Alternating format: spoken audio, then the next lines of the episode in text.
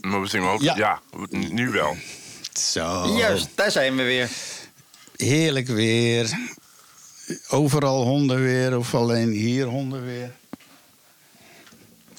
Zo is het. Het is eigenlijk buitengewoon naar weer. Kan ik, kan ik helemaal beamen. Als ik naar buiten kijk, ik word er niet vrolijk van. Ja, maar jij zit in Rotterdam, hè. Hier is het eh, 25 graden en zonnig in Antwerpen. hè. Ja, Ja, wat dat betreft heb ik gewoon pech dus. wij gaan vanmiddag picknicken. Dat was hier de bedoeling om een lekkere picknick buiten te doen. Tussen al de mensen. En er, ja, en er kwam wat eh, swingmuziek bij en zo. Heel gezellig. Ja, nee, zo is het niet. Het zijn de donkere dagen. Want, eh, lieve mensen, over Ja. 48 uur hebben we de kortste dag van het jaar alweer. En eh, ze blijven, Oh. ja, tot en met donderdag wordt het nog, nog korter.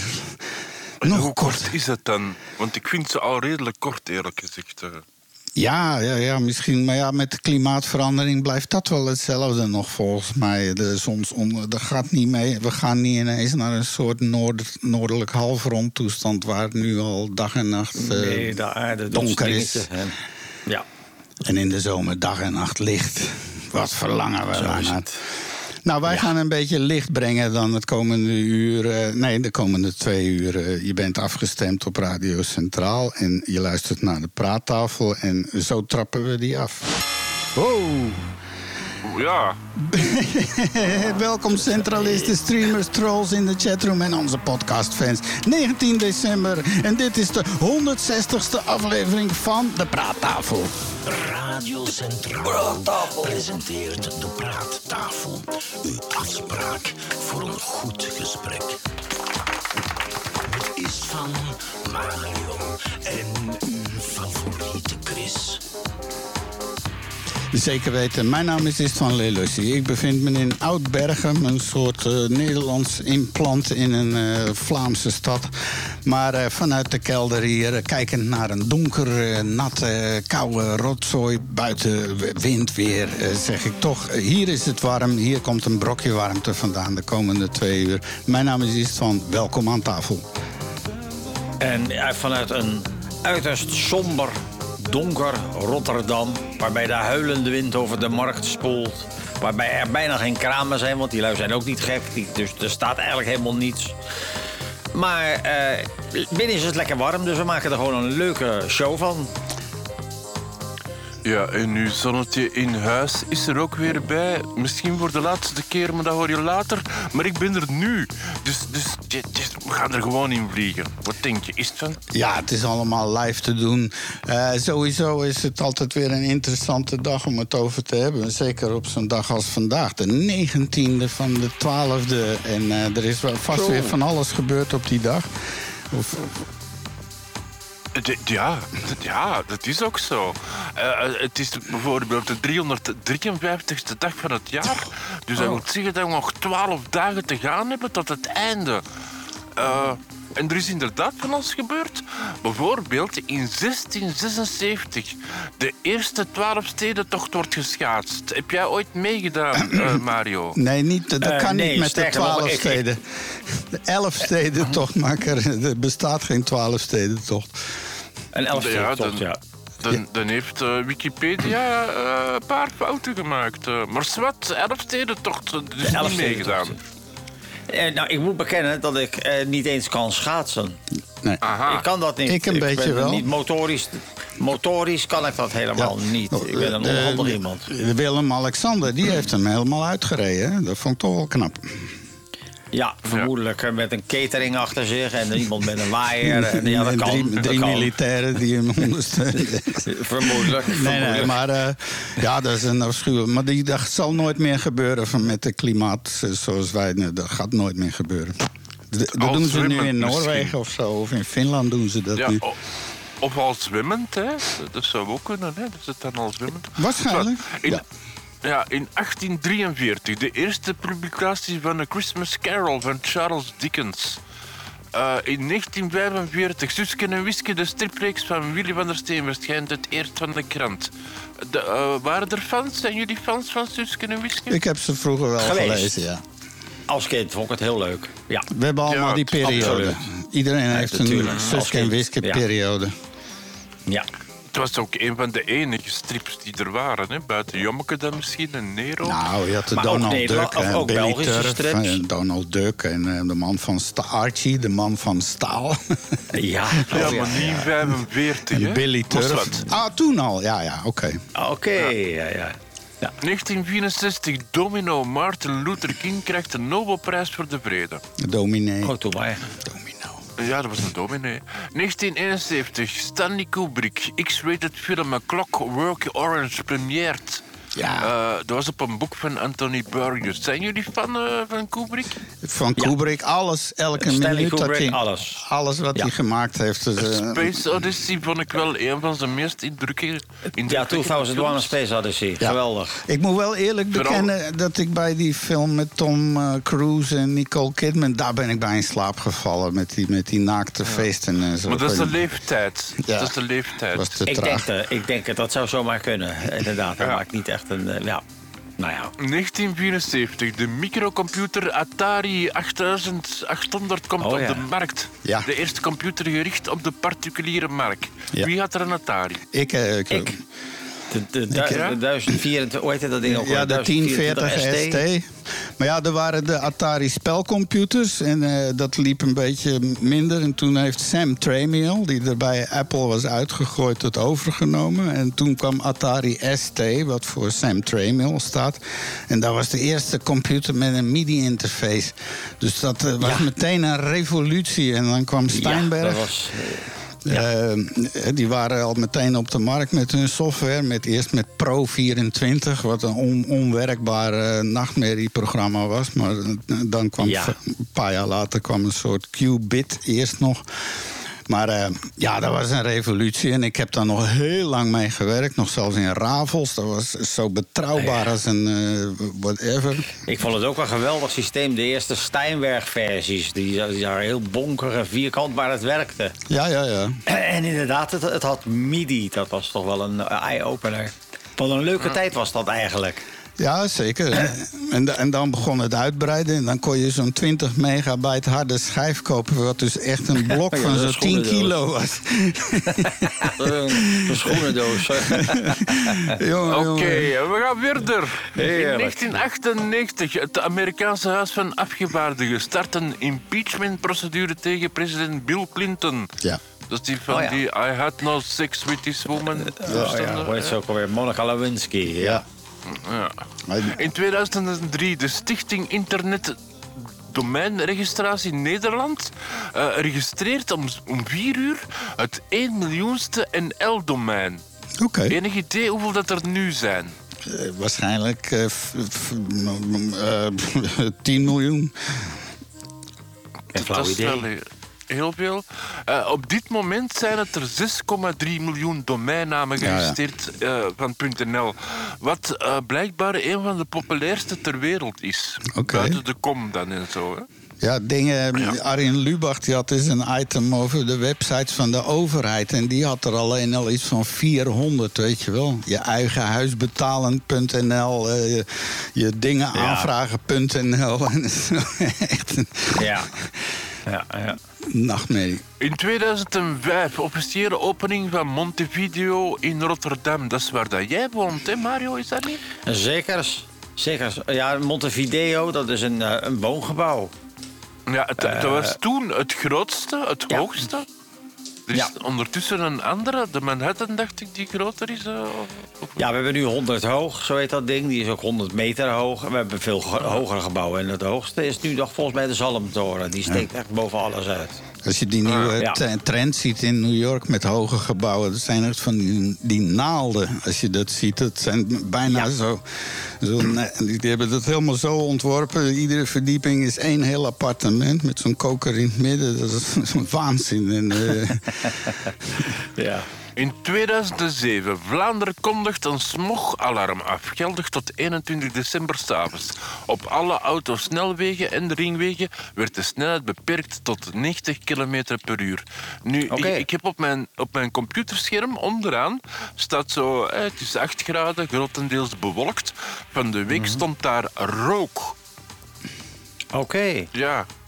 Ik, ik heb nog altijd ik heb erop geklikt. Wat- zou dat willen zeggen? Maar er kwam niks uit. Maar, maar ja, smog. Het is lang geleden dat ik eigenlijk nog van smog gehoord heb. Maar blijkbaar zijn we terug onderweg naar de smogalarmen. Nou, ja, het is de mate van eh, vervuiling. En dat is best wel heel erg slecht. Want eh, je, je leeft maanden, zo niet jaren korter... als je in een omgeving zit met heel veel smog. Ja. Nu, nu was het En dan met name die lui die... Dat is nu, in Nederland is men daarmee bezig. Met name mensen die hun eigen kachel stoken met hout en kolen en weet ik het allemaal. Dat zijn de grote vervuilers in de binnenstedelijke gebieden. Ik weet niet Ja, hoe dat bij jullie vooral is. met fijnstof en zo. Ja, hier is het eigenlijk Ja. verboden zelfs. Maar, met de, met de coronacrisis, energie, hebben ze het dan weer toegelaten en zo. Dus het is weer heel dubbel. Ah, oké. Ja, het is niet, niet echt verboden. Als je er alleen had, dan mocht je die behouden, maar er mocht geen nieuwe bijgezet worden. Ja, dat Ah, lost het probleem op. Dus je kan nog 40 jaar lang lekker blijven gestoken en, en eh, troep Ja. in de... Ja, Ja, dat zal ook wel stoppen ondertussen. eh, maar zo. Brandhout, In en 20, ververfd hout. Ja. 2022, minister-president Mark Rutte biedt namens de Nederlandse regering excuses aan voor het slavernijverleden in de voormalige kolonies Suriname, Aruba, Curaçao, Bonaire, Sint Maarten, Saba en Sint eh, eh, Eustatius. Eustatius. Ja. Maar ja. daar is het dan ook bij gebleven. Zo van, oh, sorry hè, mannen. Ja, ja sorry. Zwart, eh, verdergaand, deze week is het Hanukkah. Hanukkah, Ja, oh ja, het- het, het, lichtjesfeest. Ja, jij weet dat, Mario. Ben je dan misschien een verdoken eh Jood? eh? Nou, nee, eh, nee, zeker niet. Zeker niet. Nee, ik, ik Ja, weet dat niet dat dat toevallig. slecht zou zijn. Hè? Niet dat we dan zeggen, nee, nu mag je niet meer meedoen. Maar het is inderdaad een Joods feest. Het feest staat ook wel bekend als het feest van de lichtjes of een inwijdingsfeest. Het feest duurt acht dagen ter nagedachtenis van het oliewonder. En het oliewonder Oh. eh, dat was in de tweede tempel van Jeruzalem in 164 voor Christus. ehm, wa- was er maar één klein flesje kosher olie om, om die eh, kandelaar te laten branden, die met die acht, acht eh, armen. Hè? Armen. Eh, en, en dus ze hadden maar een, een heel klein flesje. En toch heeft hij dat langer dan acht dagen eh, volgehouden. Dus dat wordt nu gevierd. Hanukkah. Wat, wat, wat, wat een lullig wondertje is dat. Met, met een, eh, met een gewoon batterijtje doen, Ja, maar- het al maar acht met- uur. Waar hebben we het over? Een klein wondertje met... jongen. Een klein In wondertje met... 164 voor Christus hadden ze geen batterijen. Alhoewel, ze hadden daar zo'n... zo'n maar dat waren de Egyptenaren. Zo'n kleine pot met een koperen schijf. En de, hadden de Egyptenaren zo geen batterijen? Waar- Ik ben daar Ja, je hoort wel eens, eh, wel eens van die... eh, Nee, dat waren dingen, die inderdaad. alien astronauten die daarvoor waren, vlak voor, die de Egyptenaren hebben gemaakt. Maar de eerste batterij was, was, was met een mooi woord noemde in Nederland de Leidse fles. Ja, Dat is een apparaat en dat is eigenlijk de allereerste batterij. Ja. Alright. Gisteren was het de internationale dag van de Arabische taal en de internationale dag van de migrant. Vandaag is het eh, Emo Day, hè, dus je mag allemaal wat droevig rondlopen. Maar het is ook Hard Candy Day, dus je mag daarna allemaal naar de tandarts. Eh, en, en look voor een Evergreen Day. En met de Evergreen bedoel ik niet zo'n zo'n liedje dat al jaren meegaat, maar een boom die groen blijft in de winter. ah ja, ja. Ehm, Oh ja. Morgen is het Sangria Day en de internationale dag van de solidariteit. Dus dan kan je een beetje samenvloeien. ja dus ik dan. nu snap ik die uittocht van al die mensen die naar eh, Spanje afzakken en zo. Die willen allemaal aan de sangria. Dat kan ik me wel, wel- maar eh, Ja. nu met dit weer sangria drinken? Nee, dat is meer Ja, maar dan moet je het wel daar drinken. dan moet je het wel daar drinken. Want mensen die gaan daarheen en die komen terug. Ja. Die denken, het was zo lekker. Dan kopen ze hier een fles sangria en dan is het gewoon niet lekker meer. Nee, ja, dus maar de dat is de ambiance context. is heel belangrijk. De net- context. Dat is net als met Ja. Aperol, dat drink je alleen in Italië. En dan, Ja. eh, goh, dat was lekker. En koop je hier zo'n fles en die staat er na zes jaar nog, weet je. En zo schijnen die, die halve liter bierblikken van de Aldi weer het lekkerst te zijn in een bushokje. ja, Ja, ja. zo is dat toch? En, en vooral naast de prullenbak Ja, in het. Ja. Ah wel. Eh, donderdag is het de Europese dag van de kortfilm en de Wereldorgasmedag. Dus hou het in je hoofd. Donderdag. En dan vrijdag is het Cookie Exchange Day. Dan ma- mag je je koekjes eh, uitdelen. En, en de kleine mensendag. Oh, en niet die Dus koekjes op je browser. Ah, alsjeblieft, jij een koekje hoor. Nee. Ja, dat Ja. gaat met hier. heb je dan twee dingen in één. Ik dacht even Ja. dan dat je zo koekjes van je Chrome of van je webbrowser kan ruilen. Van, hé, ik Nee, heb, nee, nog, ik zijn- heb nog een koekje nee, van de bank hier. Nee, nee, het zijn de echte koekjes. Eh, o- omdat Oké, het echte ook de dag is dat de koekjes worden gemaakt en dan met glazuur eh, zo gemaakt. De kerstkoekjes. hè. Ja, Zaterdag is het de kerstfilm marathondag. Hè. Dan kan je eh, al die kerstfilms, Home Alone, eh, hoe noemen ze het ook? eh, De, Ja. ja, de usual, Ja. de Grinch. Wat al honderd keer de vermaakt is. Die Hard is een van mijn favoriete Scrooge. Dat is nou Ja, geen ja. echte kerstfilm, denk ik. Jawel, Die Hard, jawel. Dat is met kerst, hè, speelt dat af. eh. Oh, ik kan hij alleen maar... komt thuis voor kerstmis. Ah, dat detail was, dat was in de eerste drie seconden of zo. En daarna was het de rest bang, bang. Ja, ja. Ja, knal. Ja. Ja. En dan eh, zondag is het kerstavond. Hebben jullie grote plannen, eh, beste collega's? Eh, nee, ja, wel de kerstdagen. De- wij vieren twee dagen kerst. Doen jullie dat ook? 25 en 26?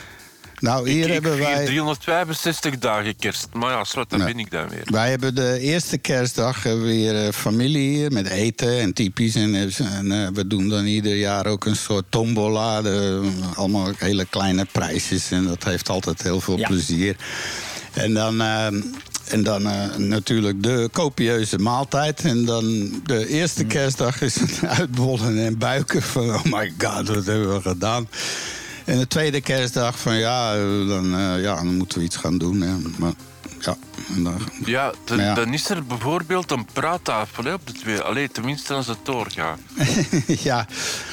Ja, eh, we zullen maar meteen met de spits. Eh, morgen wordt deze show kennelijk geëvalueerd. En eh, in dat geval blijkt dus of dat we al dan niet populair of geliefd zijn of zo. En daar zijn we heel benieuwd naar. Dus als er mensen luisteren, ik zie dat er op de, op de DAB of op de livestream van Centraal 30 luisteraars zijn. Welkom allemaal. Goed dat jullie luisteren.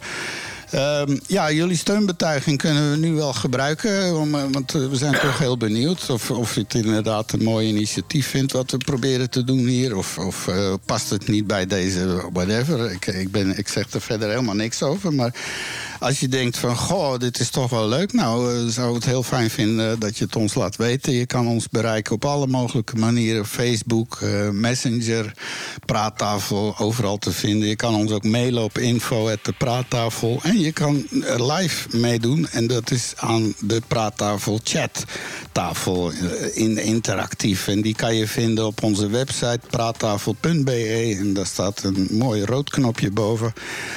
En eh, dan kom je zo bij ons aan, eh, aan tafel hier en dan kunnen we het er allemaal over hebben. Dus als jullie steunbetuigingen voor ons, eh, laat het nu graag weten. Het zou nu heel erg welkom zijn als we weten wat jullie ervan vinden. Ook als je er niks van vindt, eerlijk, niks. heel- helemaal open zijn we wat dat betreft. We doen maar gewoon ons best om een eh, goede babbel te brengen. En hopelijk wat leuke trivia bij jullie te brengen. Waar je dan de rest van de week misschien aan tafel of bij eh, op kantoor of weet ik veel. eh, ik bedoel, wat proberen we hier eigenlijk te doen, eh, jongens? Dat is een Ja, goede goeie vraag. vraag. ja, dat, dat vraag ik mij ook al eh, 160 keren af. Eh, wat doen we hier eigenlijk? eh? Ja. Dat ja, is ja. ja, een beetje gewoon met plezier eh, dit doen. Radio maken, podcast maken en dat eh, delen met de mensen. En dan toch maar hopen dat je in al dat gedruil en slecht weer... en al die negativiteit die je in het journaal hoort iedere dag... het is, het is gewoon allemaal één brok ellende. Eh, om daar twee uurtjes eh, iets, een beetje een lichtere kijk op het leven te brengen. Te bieden. Ja, Zo en dat met een Nederland, met een Neder-Vlaamse bril. Hè. Dat maakt ons dan misschien hopelijk een klein beetje uniek. Dus ik zie jullie aan de praattafel chatroom en anders via mail of in de dingen. Laat ons iets weten. We zullen dat hartstikke graag eh, waarderen. Eh, dus even kijken. Luistert naar Radio Centraal op FM 106.7, DAB+ en livestream. Nou, eens even kijken. Ja, ik heb een ander knopje hier, dan moet ik even om, zo omwisselen. Ja, zo gewend, de ene links, rechts. Mijn kabeltje was een stuk omgeruild. Je kent dat wel, de autisme. Ach, zo gaat zo. hey, graaiflatie, zegt dat iets voor jullie? Ja, natuurlijk. Dat is het, het, het, zeg maar, dat doet de middenstand om een slaatje te slaan uit het feit dat alles duurder wordt. Ja, dat Ja. is dus het woord van het jaar, hè, van Van Dalen. Grijflatie. Triest, maar waar. En het is niet makkelijk. Godzijdank is de inflatie nu eh, bijna beteugeld. Want eh, het is natuurlijk bar en boos geweest. Maar in, in Nederland valt het inmiddels wel mee. In België geloof ik ook wel, hè? Ja, omdat hier de lonen en alles is redelijk goed gecompenseerd. Want ze hebben hier nog steeds die indexering hè, van alles. Eh, Dus eh, huren, Ja. lonen en alles wordt hier... eh, elke keer als de inflatie een bepaalde, dat noemen ze de speelindex, overschrijdt... dan komt er automatisch een aanpassing. Ik heb dus mijn...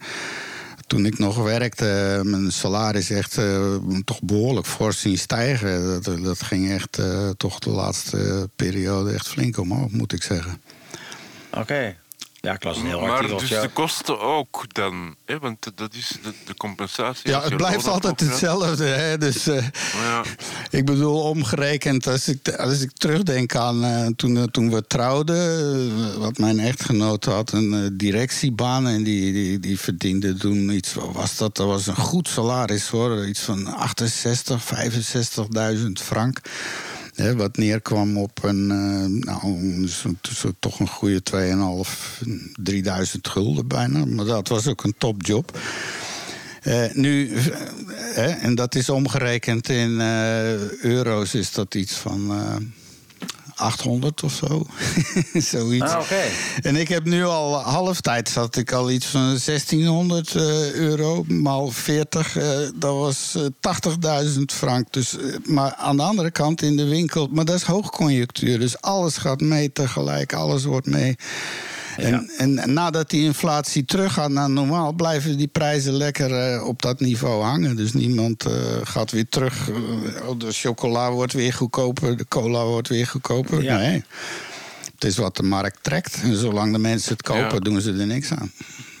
Nee, Ja, dat en is- het wordt niet het. goedkoper. En sommige producten worden ook niet duurder, maar je krijgt gewoon minder. Ja. Hè, Dat, dat kwam er ook nog eens bij. Ja, daar hebben we het toen over gehad. Hè, zo.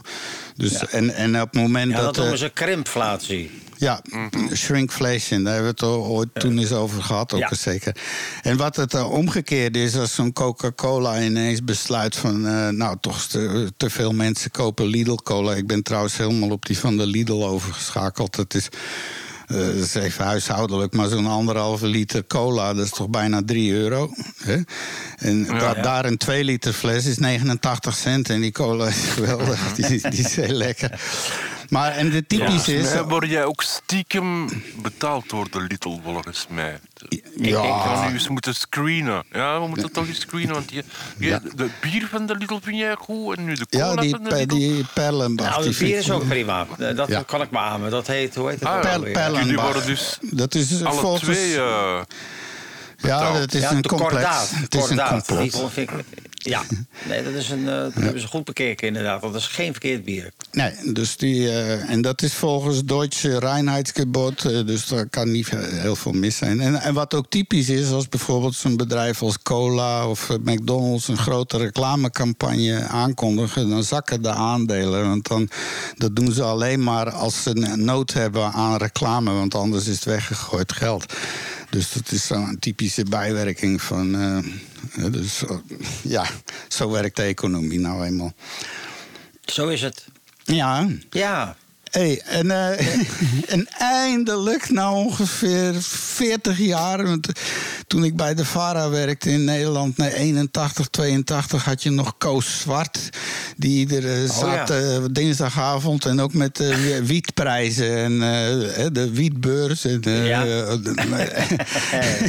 Humor. en toen al, en, en nu pas in Breda en Tilburg voor het eerst legaal geteelde wiet in Nederland. Wat is dat voor nieuws, zeg?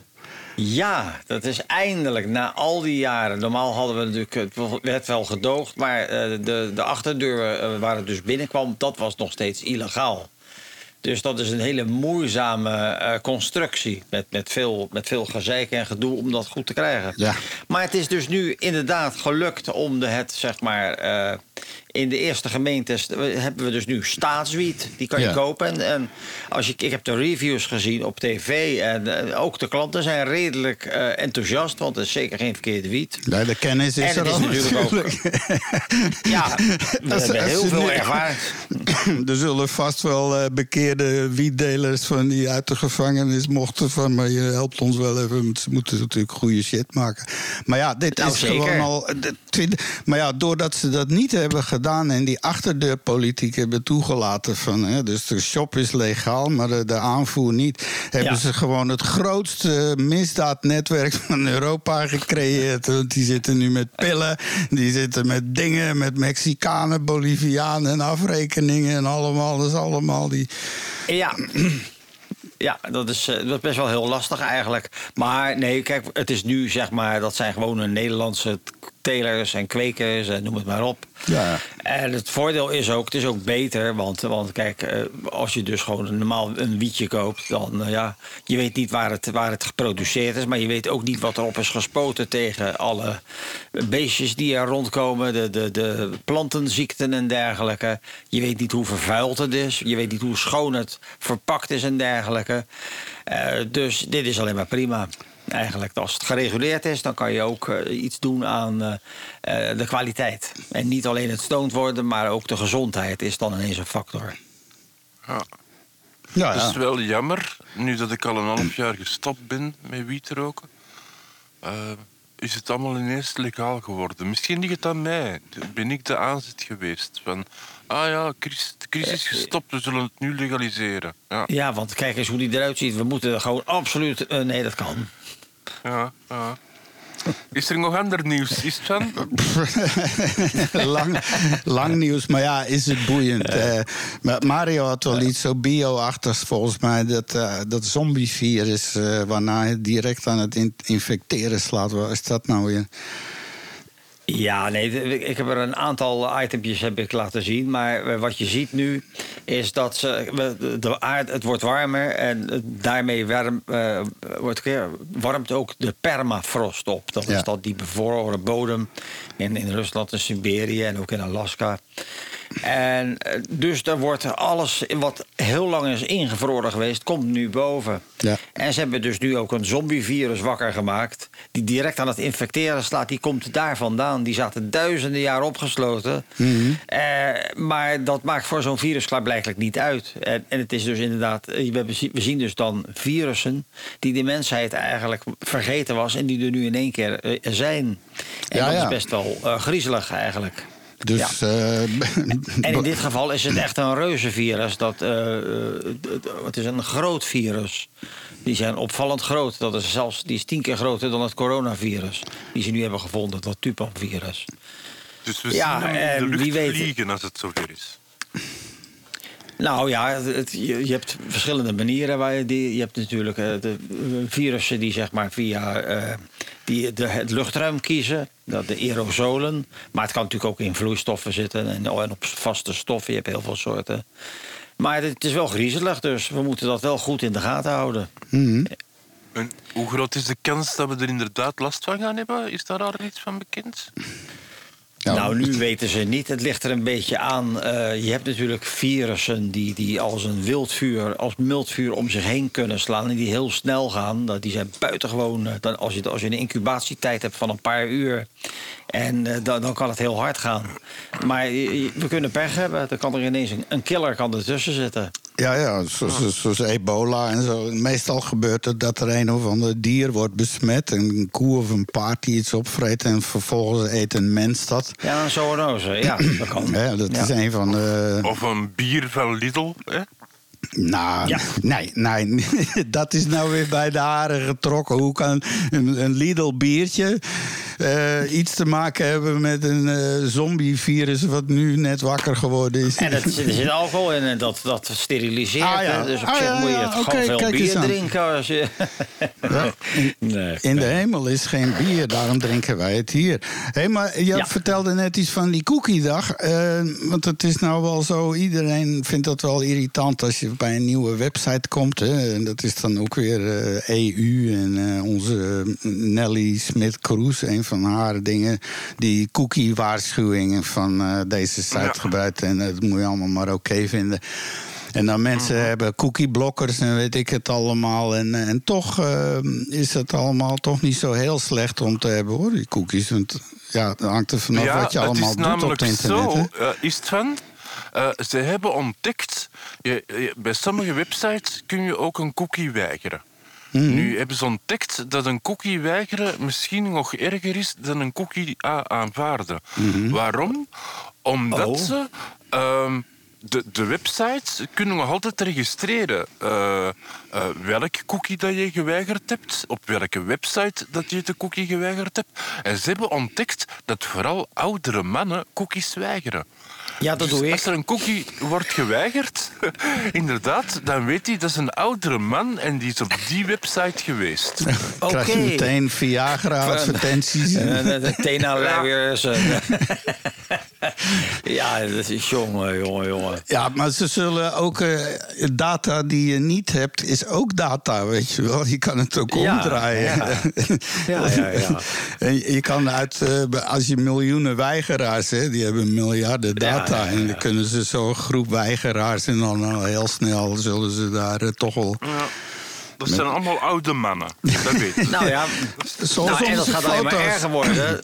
Dat, dat gaat alleen maar erger worden, want de, de wereld is in een hoog tempo aan het vergrijzen. En in Nederland begint het erg te worden, bij jullie ongetwijfeld ook. En er was ook een itempje eh, over het snelst vergrijzende land in de wereld. Dat is Japan. En, en eh, wat ik bijzonder mind-boggling vond, wat ik bijzonder vond eigenlijk, was het feit dat eh, er inmiddels meer luiers verkocht worden voor bejaarden dan voor baby's. Ja. Ja. Dus dat, dat, geeft je al, eh, dat geeft toch te denken, zou je zo zeggen. Dus inderdaad, als ze dan al die oude mannetjes daar, eh, al- als die al die cookies weigeren, dat heeft dus geen zin dan, klaarblijkelijk. Maar dat is een, een voorteken van de vergrijzing. Hè? Meer ouderen dan baby's. Dan, en dan is er iets echt Ja. helemaal mis. Want het zou andersom ja. moeten zijn. Ja, nee, inderdaad. Dus, Is dus dat ons daar. volgende re- recordraden eh, geluidje? Nee, nee, nee. mannen met pampers. Het, lukt me, Ah. het, het is me niet meer gelukt om iets met boeiende geluiden. Het is echt moeilijk, moeilijk iets te vinden. Wat, Ja, jij bent eh, gewoon niet boeiend genoeg, dat kan. nee, Ja, maar eh, Ja, maar wij wel hoor. Kom naar de praattafel.be, schat. Mensen, eh, schatjes, allemaal, wou ik zeggen, onze luisteraars. Eh, laat eens wat van je horen. En we kunnen onze, jullie steun heel goed gebruiken. Ehm, ja, dus met die cookies, dat is dus toch niet helemaal verkeerd om ze, om, om ze allemaal te weigeren. Het is ook vreselijk onhandig, want je moet dan elke keer weer inloggen bij de krant, bij de dit, bij de zus, bij de zo en zo. Dus, dat schiet allemaal toch niet op, hè? ja. Dus, Ja, ja nee, dat is. Ik, het kost ook veel moeite. Het wordt wel makkelijk hoor, want het is tegenwoordig twee klikken, omdat altijd staat aangegeven eh, van eh, ik ac- accepteer alles of sla mijn, mijn, eh, sla mijn keuze op. En dat is eigenlijk alleen een analytisch cookie en verder helemaal niks. Vroeger, daar, die periode daarvoor, moest je echt allerlei dingen uitklikken, wilde je dat niet. Dat deed ik ook altijd wel, maar eh, dat is nu wat makkelijker. Ja. Maar dus inderdaad eh, ook zinloos. Lees jij ook de, de, de, de Voorwaarden? voorwaarden? Ja, lees jij die ook? Soms, soms. Want bij Facebook waren dat 150 A4-pagina's, dacht ik. eh. Ja, bij Nou, Google het- ook, hè? Zeker, maar het ligt er een beetje aan welke website het is. Als het iets is waar ik, waar ik aan vast zou kunnen zitten, dan lees ik het wel. Mhm.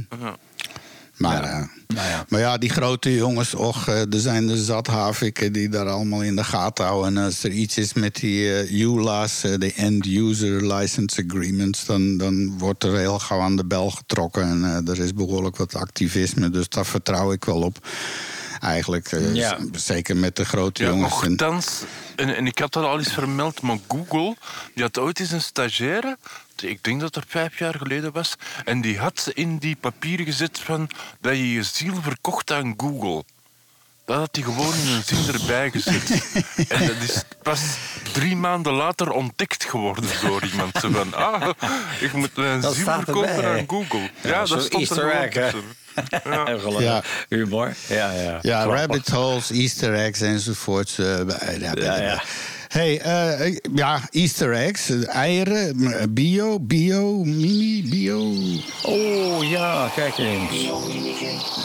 Wat we kunnen leren van de natuur.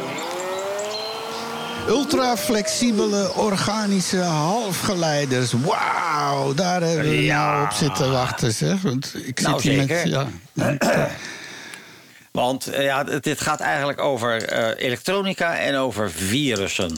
Eigenlijk. vier Ik zal het maar even. Virussen. Oh, ik dacht vier Die geen gewone Russen, het zijn virussen. Dat, dat is nog erger. en wel een, over bacteriofagen. Wat is een bacteriofaag? En wat is een T4-bacteriofaag? Ik heb een, eh, een, een, een dingetje gepost op, op de Slack. Dat is ons communicatiekanaal. Misschien kan iets van dat eh, in de show notes vermelden. Dat is een bijzonder uitziend virus... wat kan landen op een bacterie als de maanlander... tijdens de Apollo-missie op de maan. Hij heeft inderdaad echt van die landpootjes. En het virussen zijn klein.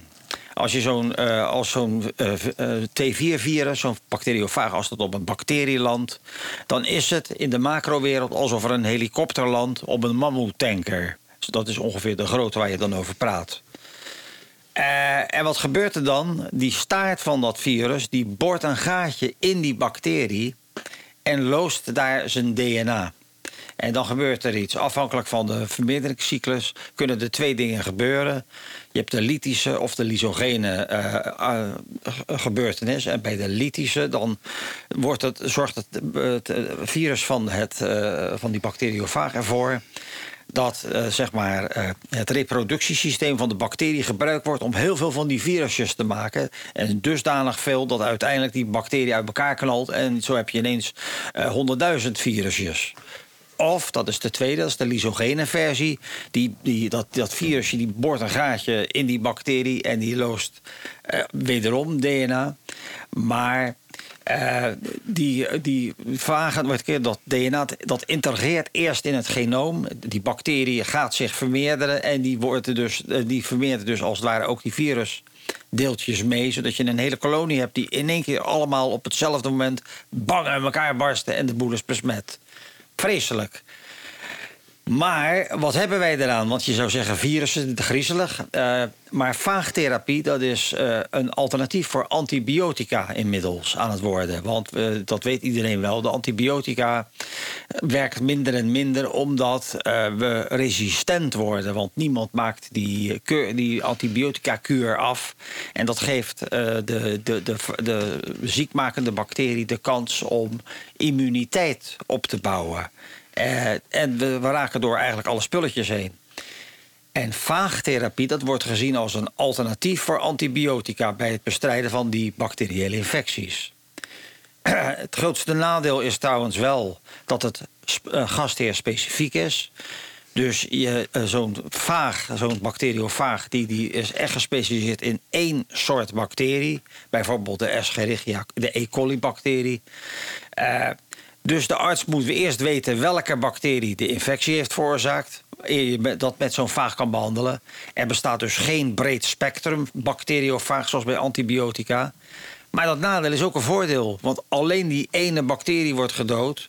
En er worden geen andere organismen beschadigd. Ja. Als wij dus nu antibiotica nemen, ja, dan wordt alles wat bacterie is, wordt om zeep geholpen. Ook Ja. onze gezonde microbioom. Ik heb de afbeelding Dus is- in de chatroom eh, gezet. En ook op Oh ja. de Facebookpagina. Mensen, dan kan je het allemaal eh, ding, in hè? real time zien. Ja, het ziet eruit als een soort eh, ruimtevaartuig inderdaad. Ja, een maanlandertje inderdaad, ja. Dus het grote voordeel van die bacteriofagen is, is ook nog eens... dat dat het, het, het vermogen tot snelle mutatie, net als die bacteriën. Want met die, met die, het is nu zo, wij kunnen niet eh, antibiotica blijven ontwikkelen eh, gezien de snelheid dat, dat die pathogene Ehm, bacteriën. Mag ik eh, even storen, Mario? Ik, ik krijg een berichtje van iemand en die zegt: Ik luister via streaming en wij horen op de achtergrond storende ruis en jullie steeds dubbel. En er loopt Oh. een muziekje. Er ja, daar kan ik helemaal niks aan doen, ben ik bang. Ja. Oh, Oh, wacht, dan moet ik eens even...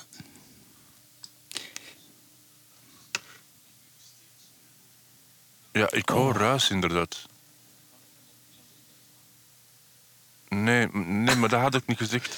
Ja, ik zal eens een berichtje naar de directie sturen. Dat is het enige wat ik nu kan doen. Dat is inderdaad mooi opgemerkt. Maar En via dan- de streaming, eh, ligt dat niet bij jou dan? eh? Nee, want we zitten gewoon op de. We zitten gewoon op dezelfde stream. Wacht even. Ik, ik, even niks zeggen allemaal. Even stil, ja, stil. even stil. Nee, ik stuur nu geen enkel. Dat gaat hier 0 dB uit. Dus die ruis en die achtergrond, dat kan zeker niet van ons zijn. Eh, maar eh, ja, gaan jullie maar even door Nou ja, over die vage toestand. Want eh, ik Ja. moet nu een berichtje sturen. Want er is iets niet. Oké. niet, niet Maar ik had het dus over die bacteriofagen, die, die maanlandertjes. En het mooie van die bacteriofagen is ook het vermogen tot snelle mutatie. Dus ze kunnen even snel eh, muteren als die bacteriën die ze bestrijden. Waardoor er dus waardoor er dus een soort eh, evolutionaire wapenloop blijft eh, ontstaat. Waardoor we dus inderdaad steeds gebruik kunnen maken van nieuwere versies van die bacterie, bacteriofagen. Dus dat is interessant. Eh, wat kunnen wat hebben wij daar doen? Voilà. Ja, wat kan, wat kan je ermee doen?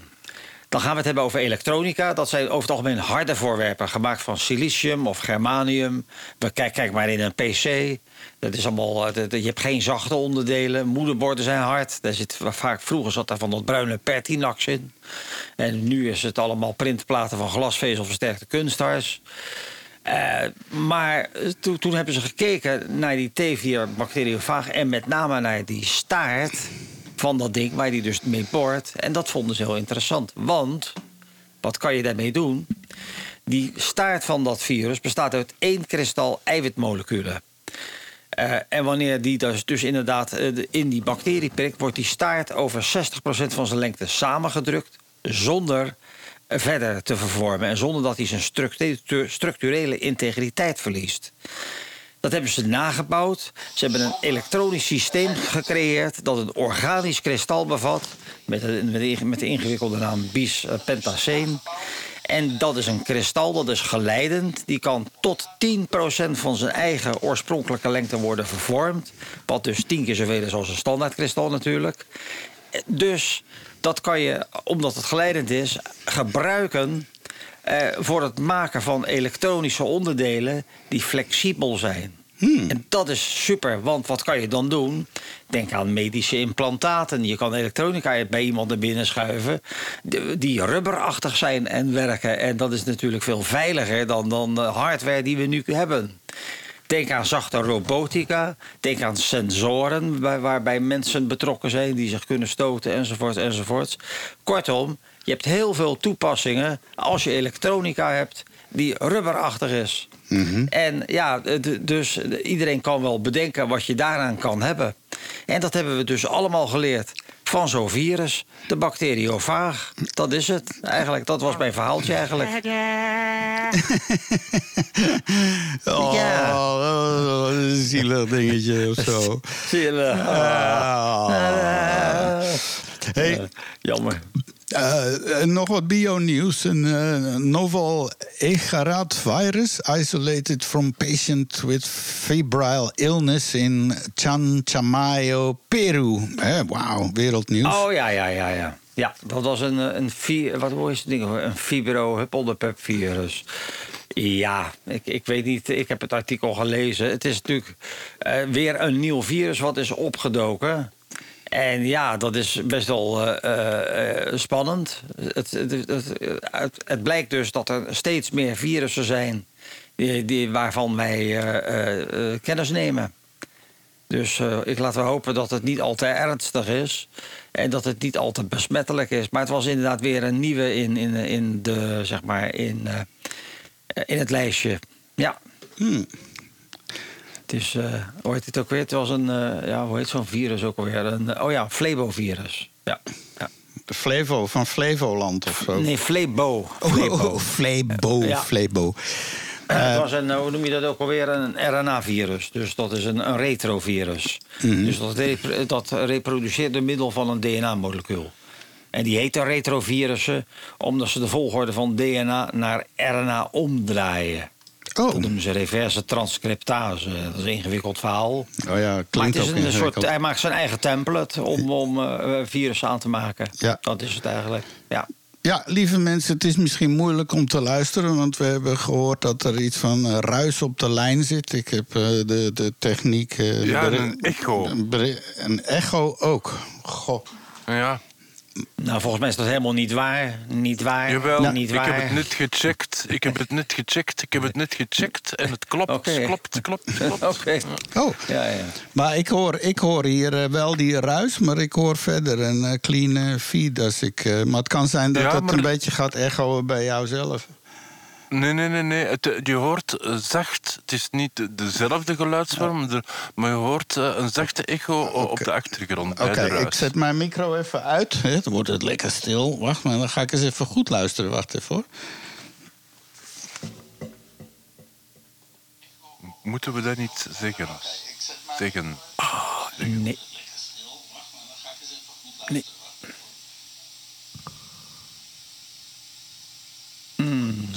Ja, een, een, zachte nog hoor ik toch op de, op de stream. eh. Ik hoor helemaal niets. Ik hoor gewoon zoals het zou moeten zijn. Hm.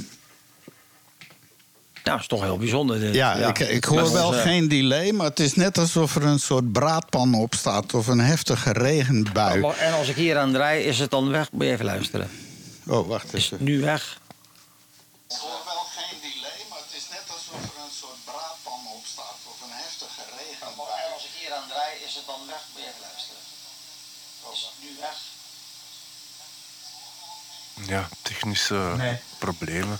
Nee, en die echo heb ik hier nu ook, maar dat is omdat het speakertje via mijn eh, dingen. Maar, maar op de feed Nou ja, heb ik maar net. ik heb- Maar dat maakt niet uit, maar er staat dus ergens gewoon een braadpan op of een effect met regen. Of ja, wie de, en dan maakt het moeilijk om naar te luisteren. Maar we zullen daar gewoon een beetje overheen moduleren. Even alles wat harder zetten en dan.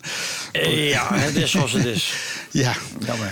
Eh, Nee. Ja, maar je kan nog altijd aanschuiven, toch nog als je de moed hebt, in onze praattafel eh, eh, chatroom. Eh Sil is er al, die zei oké. Oh, kijk eens aan. Storing was er al bij de vorige praattafel. Ja, dat wisten wij dus niet. Dan, dan, dat is heel vervelend. En, eh, dus een Ja. beetje, ja, beetje nakeuvelen. Gezellig. Sil zit al aan tafel. U kunt dat ook. Kom naar praattafel.be schuine streep chat. Of druk gewoon op de rode knop. En eh, we houden het in de gaten. Zoals ik zei, eh, morgen wordt er gestemd over ons. En eh, we kunnen alle positiviteit gebruiken op dit moment. Als die er is. En als die negatief is, laat het ook maar weten, jongens. Want hè, dan weten we tenminste. Zo hoe en wat. Ja. Even kijken. We, we hadden nog één Fighting Superbugs. dus, dus nu zijn ze bezig in de jungle en zo. Om, om, om zaken te identificeren die een soort nieuwe, nieuwe hoe heet dat, antibiotica. eh, hè? En, ze gaan nu AI-methoden gebruiken. to- dus dus om, om genetic info from Neanderthals en nog meer. Oh, dat bedoel je? Ja. Nee, dat is ook zo. Dat is heel grappig, want eh, ze kunnen van, van eh, mensensoorten die nu inmiddels zijn uitgestorven... denk aan de Denisova en de, de Neandertaler, Homo erectus... Eh, want zo'n 50.000 jaar geleden liepen we gewoon met meerdere mensensoorten rond. Alleen Homo sapiens is overgebleven. Maar van die fossielen kunnen ze dus onderzoek doen naar waar hebben zij last van gehad op, op, eh, eh, qua ziektes en virussen en zo. En dat, dat, dat kunnen ze nu doen eh, middels eh, zeg maar bepaalde eh, moleculen, kleine eiwit- of peptidemoleculen. En dan hebben ze dus gekeken van hoe, hoe werden, werden ze in die tijd bacteriën bestreden. En dit is dus een hele nieuwe insteek. En wie weet hebben we daar wat aan, want we zitten natuurlijk nu echt met een antibiotica-resistentiecrisis. En dat is dus inderdaad waar we het er net al over hadden. waar- Dan kijken ze ook naar die bacteriofagen. Want het begint op te raken. Dus we, we- de, de gereedschapskist begint leeg te raken. Eh, dus, dus dit is natuurlijk ook een interessante eh, eh, onderzoeksrichting. Dus, en dat gaat dus de antimicrobiële eh, peptiden, de AMP's. Dat zijn inderdaad dus die infectiebestrijdende moleculen... die, die eh, allerlei andere organismen produceren. En Daar zoeken ze dus naar. En ook dus bij wat, wat, vroeger de mensheid eh, teisterde, zal ik maar zeggen. Ah ja. Dus dit is een interessant onderzoek eigenlijk om, om te gaan zoeken naar, wat, wat, naar uitgestorven menssoorten. Dus ja, dat is. oké. eh, Maar ik dacht, Dus, ik zou juist denken van, nou, die soort is uitgestorven, dan moeten we eigenlijk niks van hebben. die, die, Ja. die, hebben niet zo. Zo zou je het ook kunnen Eh, zien. ja. welkom aan bus, busdriver, ook in de chatroom, de busdriver. Dank u wel. Eh. Kom gezellig aanschuiven. En trouwens, over tien minuten begint de quiz alweer. En kan je daar een tipje van de sluier op lichten, Chris? Over de quiz van de Chris. Ja, een, een klein tipje, hè? Klein. Ja. Oh, Christmas, Christmas. Ja, een Ja. busdriver zegt dat ook de DAP heeft storingen. Dus het de- zal bij Radio Centraal liggen, vermoedelijk. Ja, de livestream ook, want wij luisteren op de livestream. Dus eh, dat is heel vervelend. Misschien hebben ze nog een schuif openstaan. Zou dat kunnen? Ja, dat er een microfoon aan de voordeur hangt die dat regengeluid doet. Het is een heel typische ruis ook. Het is echt een eh, soort braadpan. Eh, de- de- ze hebben vrijdagsmiddags een programma, dat is wel tof. Dan wordt er zo live gekookt in de studio. En dan hoor je dan ook zo... En het geluid lijkt daar wel op, alsof daar een loop van gemaakt is. En eens even kijken hoor. Dus er Eh, staat vermoedelijk iets aan te branden, zeg maar. Een kalkoen. Ja, een kalkoen staat aan te branden. ja. Ja, Sil vertelde dat het vorige uitzending ook al zo was. Dus hadden we dat geweten, dan eh, het zal toch niet liggen aan eh, om, om onze livestream server zelf of zo. Hè? Maar dat moeten we dan maar bekijken.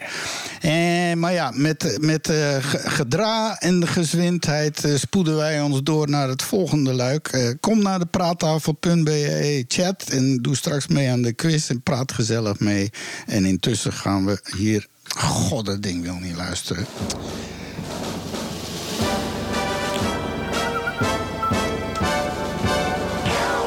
Pek en veren, deze keer. Ja, Dubai hebben we nu drie keer eh, in de top gehad. Die zijn misschien wel de winnaar van het vorig jaar. Maar eh, nu, ja, eh, ik, toch wel een eng bericht. Een, een, westerse militaire planners houden ernstig rekening met een worst-case scenario. waarin Oekraïne binnen een paar maanden wordt verslagen. en vervolgens staan ze bij ons voor de deur hier. ja. Dus alle, er is- ja. Maar, maar er is ook goed nieuws. Eh, als Trump aan de macht komt, wat zomaar zou kunnen. Hij heeft al gezegd dat hij even gaat praten en dat het dan allemaal goed komt. Ja, binnen een paar dagen is Dus dat het- opgelost bij hem. Ja. ja, over pek Dus en het gaat, een, het gaat allemaal een bizarre. Ja. Dat een vreselijke tijd gaan we tegemoet. Ja. Maar goed, oké. O- over, Ja, eh, ga je al Russisch leren, Mario? Heb je al zo'n zo'n cursus besteld? Eh, wodka, dat is het enige woord wat ik ken. Wodka. Maar verder, Nee, nee, ik kan er eentje leren. Njeponjemaju paruski. Dat, ik, ik begrijp, ik spreek geen Russisch. Want dat leerden ze in Hongarije toen de, de Russen invielen. Moesten alle kinderen, daar- of iedereen moest dat leren. Want ja, ineens stonden daar Russen, zoals hier de Duitsers in de oorlog. eh, Dat was gewoon echt. En in 56 eh, was er een opstand in Hongarije tegen die Russische eh, bezetting. Die wilden uit het communisme. Op een gegeven moment waren de Russen ook vertrokken, want die dachten van hoe. Maar toen eh, ging alle aandacht opeens eh, naar het Suezkanaal met de Engelsen en een inval. Ja. En, eh, en, en, en, en, de, en de Russen dachten van, oh, heel de wereld kijkt nu daarheen. En die kwamen toen met man en macht terug. In eh, oktober, november. En voor die periode was er zo'n maand of twee, drie ook een open grens. En toen zijn er eh, een goede drie, vierhonderdduizend Hongaren eh, vertrokken, waaronder mijn Ja. mamake. Hè? Zo ben ik in Amsterdam geboren. En zo, zo is dat In gegaan. wat jaar was dat? Weet je dat? Ik ben in 57, 1814. ik ben in 57 geboren in mei. Maar in Hongarije gemaakt nog vlak voor. Dus I'm a child of the revolution, man. Oké, oké. Ja, Die dat is, eh, Ninja is erbij, busdrijver is Ah, erbij. Sil. Het wordt gezellig, lekker druk. Dadelijk over vijf minuten, jongens, gaan we quizzen. Dat is de leukste quiz van het jaar. Eh, dus ja, die, die generaals die houden toch een, eh, een, eh, een- een- Want intussen is de Russische eh, hele militaire economie op gang gekomen. Dat betekent dat ze in plaats van soepblikjes maken ze nu kogels. In plaats van vrachtwagens maken ze nu tanks en zo. En Rusland heeft natuurlijk wel een vrij formidabele. En, en ook nog krijgen ze nog iedere dag een half miljard binnen van allerlei oliedeals en zo. Dus geld genoeg, niks aan Nou, het, het is inderdaad, we moeten rekening houden met het feit dat, dat Poetin de langste adem heeft. En dat betekent dat de Oekraïne dan zal worden ingenomen. Eh, en, dat, dat, en dan, eh, wordt, dan is de, de grens eh, met Europa al een stuk dichterbij gekomen.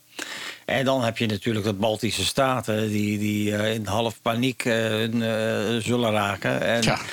Ja, het zou zomaar hè? kunnen zijn dat. eh, ik zou zo zomaar kunnen zijn dat, dat Poetin dan denkt van. Nou, dan pik ik ook gewoon die Baltische Staten erbij. Want ja. Maar, maar die zijn NATO, dan is NATO-lid, hè? Dat, dat is het begin van het einde. Zekers, zekers. Maar, als, maar Trump heeft in, tijdens zijn pre- pre- presidentiële t- periode ook al gezegd dat dat voor hem niet heilig is.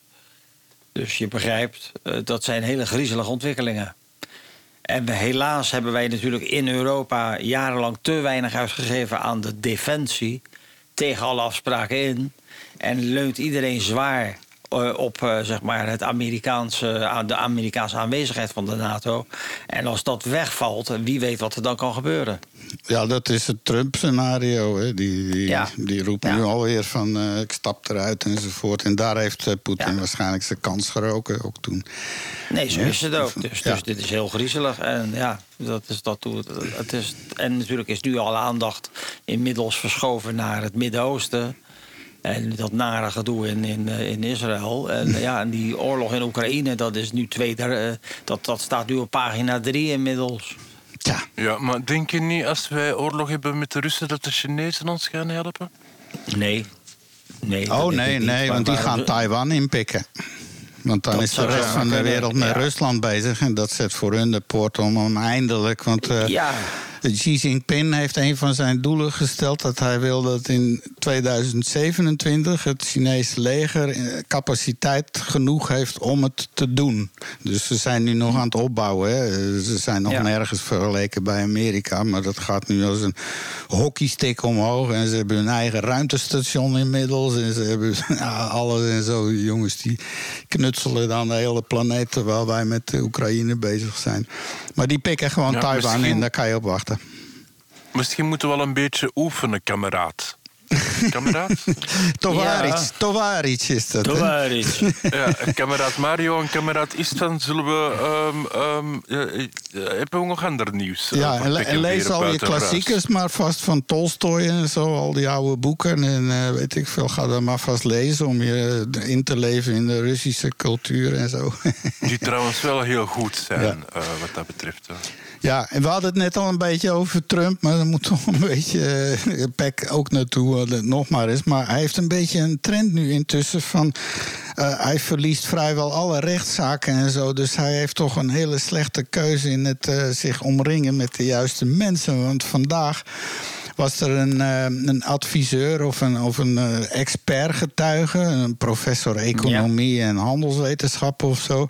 Die was aangetrokken door de Trumps verdediging om, om eh, door, door de boeken te gaan enzovoort. En om te kennelijk ontkrachten dat er iets van fraude aan de hand was. Eh, die man die heeft dus eh, op de getuigenbank gezeten en vervolgens heeft de rechter besloten om heel zijn eh, ge- getuigenis te schrappen, gewoon omdat hij als ongeloofwaardig. die man heeft daar wel in totaal eh 1305 nee, 1235 uur aangewerkt. Arato van 1350 per uur. En de totale rekening is in euro's 803.000 euro. Voor een ongeloofwaardige getuige. En, en, en, en hij heeft ook die advocaat, die Ali- Halina Habba. Hè, die, die, dat is zo'n eh, ja, zo'n bombshell, een hele aantrekkelijke dame... die daar nu altijd in die rechtszaak... die was bijvoorbeeld bij deze rechtszaak vergeten aan te kruisen... dat ze een jury wilde. Dus nu zitten ze met ene rechter...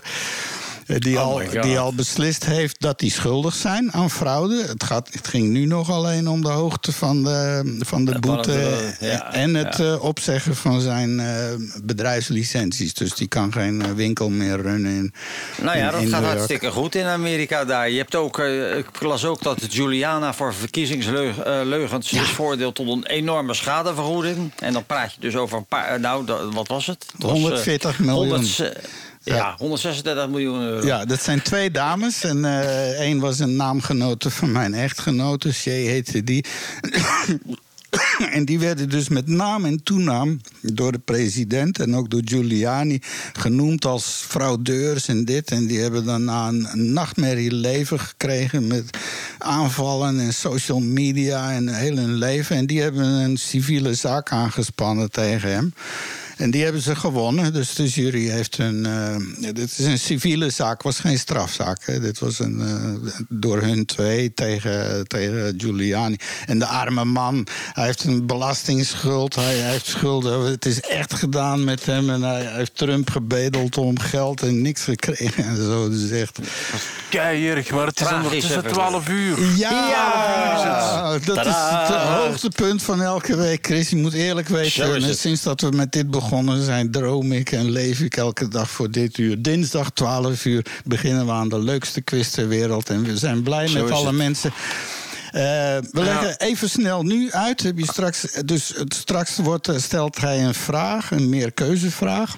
Als hij die gesteld heeft, starten we een wachtmuziekje. Dat is een halve minuut. Ja. En het idee is dat je, je typt je antwoord in, maar je wacht met versturen totdat het wekkertje is afgegaan. Dat hij de alle antwoorden tegelijk. En Chris houdt dat fenomenaal bij op zijn scorebord.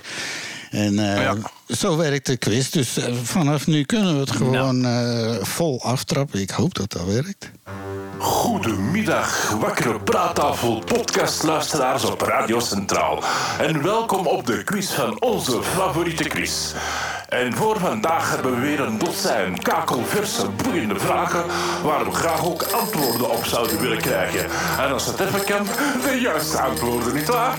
En u kunt dus ook meespelen, beste luisteraar... en antwoorden via onze praattafelchat op praattafel.be... en op chat te drukken. Of je kan ook heel hard roepen, nietwaar? We zijn er dus klaar voor ik heb er zelf ontzettend veel zin in. Laten we starten met de quiz van onze favoriete Chris. Ja, Ja. en het is vandaag, je, je hoort het aan de beltjes misschien, de grote kerstmisquiz Ja. van onze favoriete Chris. Kijk. Dus Ah, ik heb eh, aan aan ChatGTP eh, gevraagd, geef mij eens twaalf eh, boeiende kerstvragen met het antwoord bij. Dat helpt altijd wel. En, en die heeft dat mooi gedaan, deze week ook weer. Dus t- ja, we, de- we- we hebben ook iemand die zich Rotterdam noemt in, in de chat zitten. En, en Oh, en Minja en Sil en Mario. Dus de- we vliegen er gewoon in. Wat denk je ervan? Ja, ik was nog even aan het checken of dat die ruis nog steeds op de lijn is. Mario, Ja. Ja, Nou, ja, we gaan ja, het zien. ja. Heel stom. niet. Het, het eh, braadpannetje, de frituurpan, die staat nog steeds open. Maar goed. Ja, dan, maar dat is een kalkoen. De- Vraag 1. Ja, terwijl de kalkoen staat te bakken, hebben we vraag 1. En dat is: welke vorst was vermoedelijk de eerste persoon die een kerstkaart heeft verstuurd? Was dat A. Koning George III? Was dat B. Koningin Victoria? Of was dat C. Koningin Elizabeth I? Eh, dus, welke vorst had de eerste kertkaart? De eerste. Nou, dan eerst- heb je dat ja. wachtmuziekje. En, Wie en weet kan ik het? zeggen... Ja, als je, als je goed luisterde naar al onze afleveringen... Ik heb dit ooit al verteld in een van de geschiedenis. Dus gauw nog eens de vier namen. Ehm, koningin George III, koningin Victoria of koningin Elizabeth I? Ja, dat, dit weet helemaal niemand. Jawel, ik, ik heb dat al verteld in een verhaal. Dus wie heeft de Ja, eerste joh. kerstkaart ooit verstuurd? Dat was in praattafel 13. Ja, Is dat zou zo? Ja, Oké, eens kijken. Ja, ik heb één gezegd. Mario ik bedoel A. Hè. Ik bedoel A. Ja. Ja, ja, want één is er niet. Dus de, ehm, Stil zegt het is B, Rotterdam zegt het is C. En Minja zegt eh, de koningin Victoria. En het was inderdaad koningin Victoria. Dus Mario een punt, alhoewel dat hij zegt, Ja. ik weet het niet. Maar ik wist het ook niet. Wat zijn er daar voor vragen? Het is net zoiets als wie is, wie is de uitvinder van de badmuts? Dat weet ook helemaal niemand.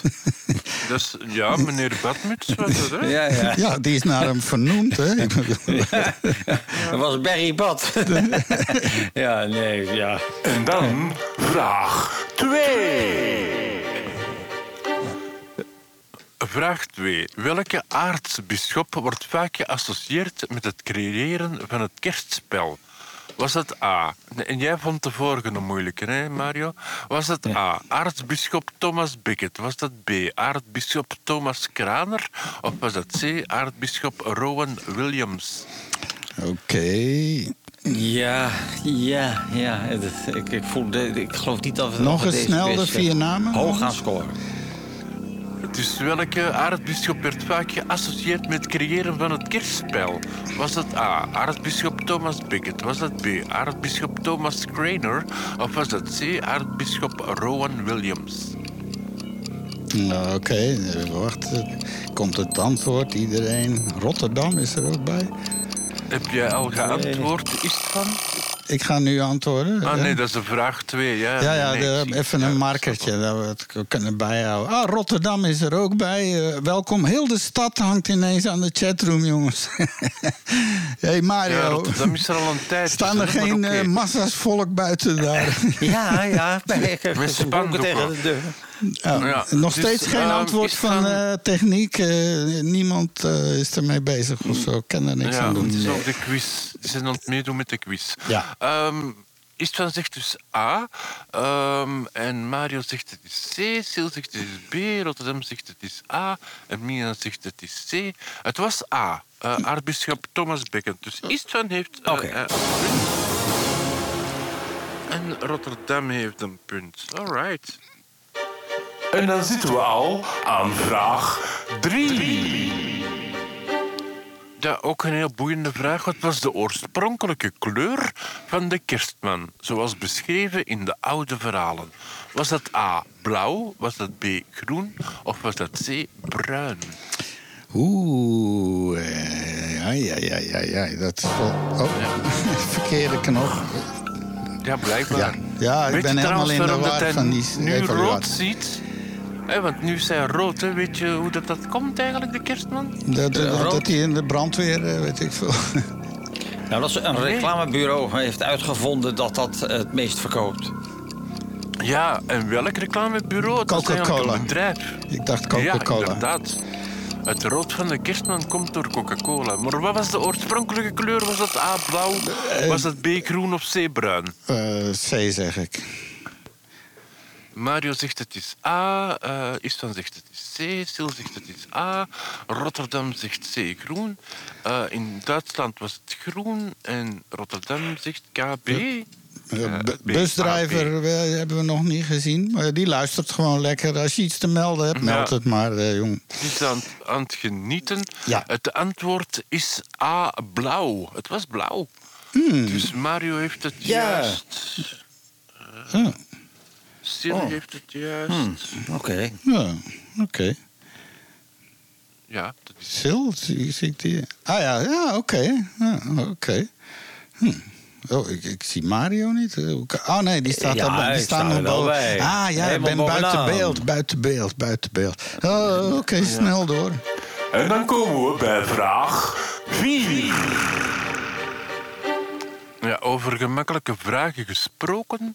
Welke middeleeuwse vorst stond erom bekend dat hij op kerstavond een speciale waszeelceremonie organiseerde? Ja, vraag me niet wat dat dat inhoudt. Dan moet Een was, voor, wat voor ceremonie? Een waszeel? Uh, Wasszeel, wasszeel. W-A-S-S-A-I-L. Wasszeel, wasszeel. Oh. Nooit van gehoord. Nou ja, dan eh, Was dat v- A? vragen we het even Koning aan Arthur. Was dat B? Koning Richard Leeuwenhard? Was dat C? Koning Henry II? Dat zijn ze. Eh, oh, Erg enthousiast. Ja. Wassail is a beverage made from hot mulled cider, ale or wine and spices. Was wassailing. Het, het soort gluwijn moet je aan denken. Met eh, fruit erin en Ja. eh, peren. En, nou, een soort sangria, gluwijn, eh, Engels iets. Ja, dat- En- dit en weet ook wie helemaal stond niemand. er dan op om dat met kerstavond speciaal te drinken? Nou, jij was gaat dat, dat A, nu koning Arthur? Oké. Was dat B, koning Richard Leeuwenhard? Of was dat C, koning Henry II? Hm. En waar is dat wachtmuziekje? Ja, nu Ah, eindelijk is daar het wachtmuziekje. En eh, ik zeg, nou ja...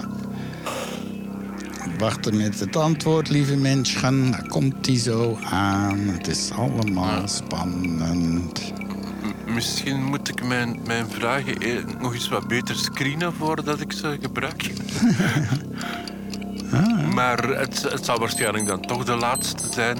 eh, dus je kunt er beter van genieten van de chat GTP Ja, vragen. ik moet ook... eh, ja, ja, daar komen Mario antwoorden zegt allemaal. A, Sil zegt B, Istvan zegt B, Rotterdam zegt C. eh, en, en Mario, die altijd het meeste klaagt. Eh, eh, Minja, ze gokt A, wel, dat is een goede gok. Het was inderdaad koning Arthur. Het was A. Ja, ik, Eh, en waarom is het dan zo raar dat ik zeg ik moet beter screenen? Ja, het is nog altijd niet echt bekend of dat die koning Arthur wel echt bestaan heeft. dat is waar, ja. Dat, is, dat hij niet... Dat dat niet zei... Ja, dat is een mythe, is het. eh, hè, met Nou, dat ik heb wel eens. Ik, ik heb wel eens, dat is best wel heel grappig. Een paar, ik ga ieder jaar naar de Hoboken-lezing in Rotterdam. Dat is in het Natuurhistorisch Museum. En een van die eh Hoboken-lezingen ging over een Engelse koning. Koning Henry de, de Zesde, geloof ik. Eh, die, daar hebben ze het graf nooit van gevonden. En, dat- en, die, en de- degene die de lezing gaf, dat was een archeoloog. En die heeft dat graf gevonden. Want Oh, dat is een natuurlijk een parking. Juist, die- hij bleek dus onder, een, eh, onder het asfalt te liggen op een parkeerplek Ja, bij de ja, Lidl ja. ergens. Maar, Nou, maar dat is toch een zij? hè? Was dat niet een zij? ja, het was een zij, ja. Ja, ja. ja, ja. Er is een film van gemaakt, hè, vorig jaar. ik vind, vind het wel heel grappig eigenlijk. Dat je, als, dat je kan eindigen oh, naast de Lidl onder, onder het asfalt. Ja, Ja, Dat het reden soort van waarom- Poëzie, eh, ja. De reden waarom, eh, ze, ze was aan het zoeken en niemand had daar gezegd van ja, maar je, je gaat zo'n graf, als je dat nu nog wil vinden, dat gaat waarschijnlijk ergens op een rotonde staan of een plein of iets waar niet gebouwd is. Ja. En inderdaad, die, die, die parking, er is niet op gebouwd. En er was vroeger, blijkbaar stond daar een standbeeld ooit geweest. En hebben ze er dan een parking van gemaakt. En, en daarom dat dit daar is gevonden. Ja. Ja, volgens Sale moeten we echt gesponsord worden door. Lidl. eh, ja, ja, wie weet. Nou eh, ja, oké. eh, gratis Oké. boodschappen, week Laten we maar verder gaan met vraag V. Vijf. Ah, vijf. En we zitten Ja, vijf. al aan vraag Vijf. In welk jaar werd het liedje Jingle Bells oorspronkelijk geschreven? Was dat A. 1847, B. 1857 of C. 1867? Nou, dat wordt een gokvraag. Eh, nou, ik hou het. Ik hou het op één van die drie. Ik ga voor één Jingle van die drie. Ja. Geschreven? Was het A. 1847? Was het B. 1857 of was het C. 1867?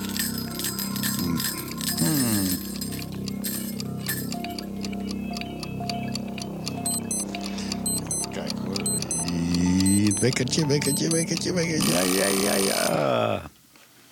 Ehm Istvan zegt C, Mario zegt C, Sil zegt B, Minja gokt op B en Rotterdam zegt B.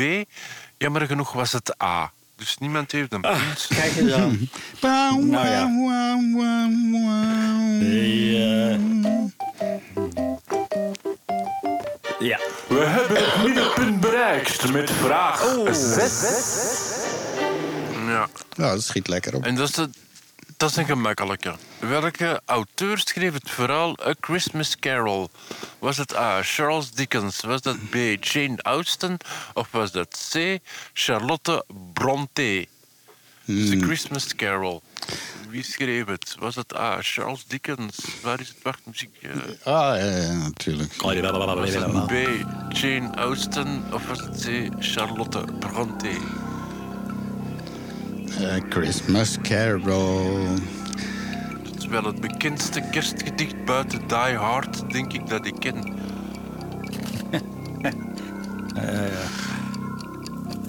En Home Alone, die zit er ook nog bij. Oh ja, dat is ook zo'n kerstfilmachtige En omgeving. The Sound of Music. Ja, maar vind ik niet Wordt minder kerst. Dat is meer, eh, dat is meer zo'n En gebeuren. ja, maar die wordt wel meestal bij ons rond kerstmis gespeeld. En, en nu is het weer Sissy. De nieuwe Ja. afleveringen van Sissy, dat is ook meestal zoiets rond deze periode.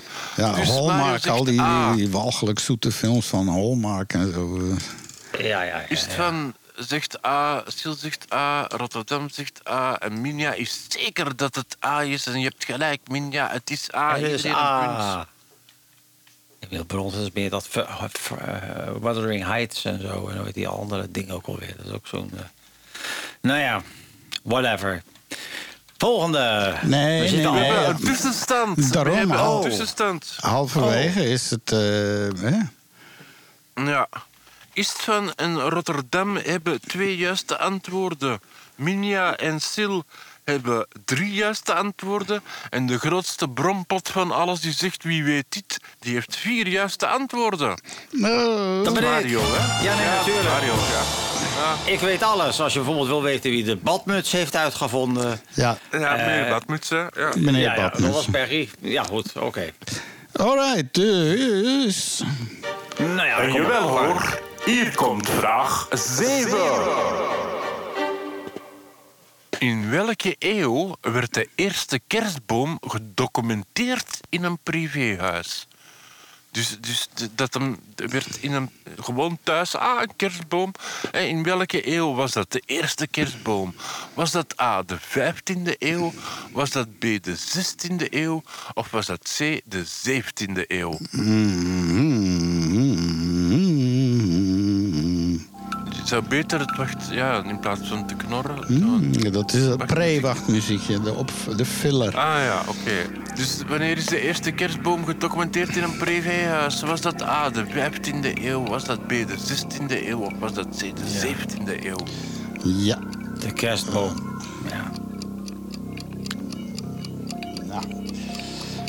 Echt een gokronde vandaag. Boeiend hoor, zo'n eh, multiple choice format. Ja. Ja, als je dan aan de kerstmaal zit, dan kan je zeggen... Wist je Nou ja. dat de kerstboom voor de eerste keer in de 17e eeuw is gezet... en dat niemand het juist had, behalve Minja? Kijk, kijk eens Oké. aan. Kan je nagaan. Nou, we, zingen ook allemaal O dennenboom, O dennenboom. Maar dat ding dat wij bestaan is helemaal geen den. Het is een spaar. Ja. Een den heeft twee naalden aan iedere knoop en die zijn centimeters lang. En een spaar heeft er een hele hoop. En dat is onze kerstboom. Ja. Dus het is eigenlijk niet O dennenboom, maar O sparrenboom. Ja, maar het is voor vertaald uit de tannenboom. En in, in, in Duitsland Ja, is een spar een tannenboom. Ja, we zullen het Ja, van maar- Minja wel horen. Hè? Want ik had geleerd het. van Duits van... Oh, tannenboom. Hè? Tannenbaum, O tannenbaum. Nou, en je Minja, hoort Minja dat komt enkel uit... maar... Je hoort dat enkel maar op de praattafel. Hè? Dus, dus hoe, hoe boeiend is deze radio-uitzending gewoon niet? en dan wordt maken we beter. plaats voor vraag 8. Welk land heeft de traditie om op kerstavond 13 soorten gerechten te serveren? 13, hè? 13. Dat zijn er een McDonald's. Nee, dat is er maar één.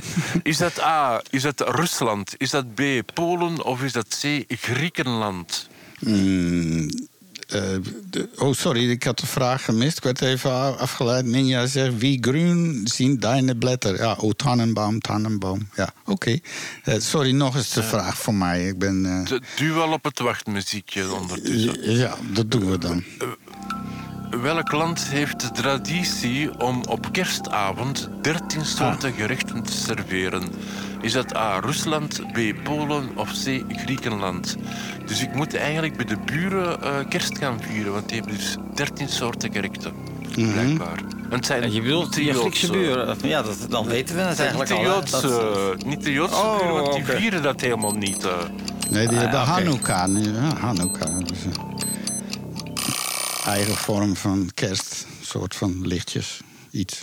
Ja? Ja, de, de Istvan zegt C, het is ehm, Griekenland.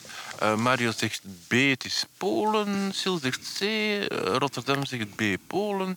En Minja zegt C. Het is inderdaad, mijn, mijn buren zijn Polen. De, en het is dus B. Dus Mario en Rotterdam hebben een punt. Zijn we al zover? Hier komt vraag 9. Eh, welke stad organiseert elk jaar het Festival of Lights met miljoenen kerstlichtjes? Is dat A. Parijs? Is dat B. Sydney? Of is dat C. Medellin? Me- Medellin in eh, Medellin in Bolivia. Boli- Bolivia. Eh, nou, ik dacht eerder Colombia. Oh, Colombia, ja, natuurlijk. Eh, Medellin, hoofdkwartier van de wereldkookhandel. En, en waar al die panfluitorkesten vandaan komen die op markten staan. Oh ja. Ja. In die, die wereldwijd oude op de, de. Ja, ja. wereldwijd Nee, bedrijf. tegenwoordig zijn ze? Indiaan, hè? Ja. Heren, welke Ja? stad organiseert elk jaar het Festival of Lights met miljoenen kerstlichtjes? Dus A. Parijs, B. Sydney of C. Medellin. Medellin. Medellin, Medellin. Medellin. Medellin. Medellin. Net als een medaille, maar een Medellin. Medellin. Een yin-yang. Ehm Iskan zegt het is C, Med- Med- Medellin. En Mario zegt C, het is Medellin. Eh, En Sil zegt het is B, Minja zegt het is B, en Rotterdam zegt het is A. Wel, ehm, het is eh, C, Me- Mede- Me- Medellin. Medellin. Gewoon Ja, een J, Medellin. J, Medellin. Even kijken hoor. Ja, we weten het, hè. Dat, dat woord is gegeven, hè. Ja. Oh, ik... maar- nee, ik Maar we hebben nog ik geen vraag. eh, We hebben nog helemaal geen vraag. Ja. En na 9 komt vraag Jongen, jongen. Ja, het is echt... Zit die eh, koptelefoon weer te strak. Zet ja. dat ding dan los, hè. ja. Wat is de naam van de traditionele kerstkoekjes uit Duitsland? Is dat A. Pfeffernussen? Is dat B. Lefkoeken? Of is dat C. Simst, simsteren? Simsteren? Sims, simsteren? Simsteren. Ja. Oh, eh, oké. Ja, en Ja. dan nu dat wachtmuziekje. ja, dus wat is de traditionele kerstkoek? Ik ken printen eigenlijk. eh, eh. Maar wat is de naam van de traditionele kerstkoek uit Duitsland? Is dat pfeffernussen? Is dat B. Lefkoeken? Of is dat C. Simstern? Nou, Ken je dat printen? Heb je dat ooit al eens gegeten? De- Brinta? Mijn moeder ging kind. printen, ja. Die ging naar Aken, naar de kerstmarkt en die bracht altijd printen mee. En dat is zo'n harde, taaie, eh, achtige kerstkoek-achtige... Oh ja. Ja. Oh, Nou. kijk. Nou, dat is... Ja, Minia weet dat natuurlijk. Minja zegt ze zijn alle drie, maar dat is niet het juiste antwoord. Eh, Nou, is volgens wel, C. En Mario zegt, ja, ze komt dan uit Duitsland, dus ze zouden ze weten. Maar, Die weet dat natuurlijk.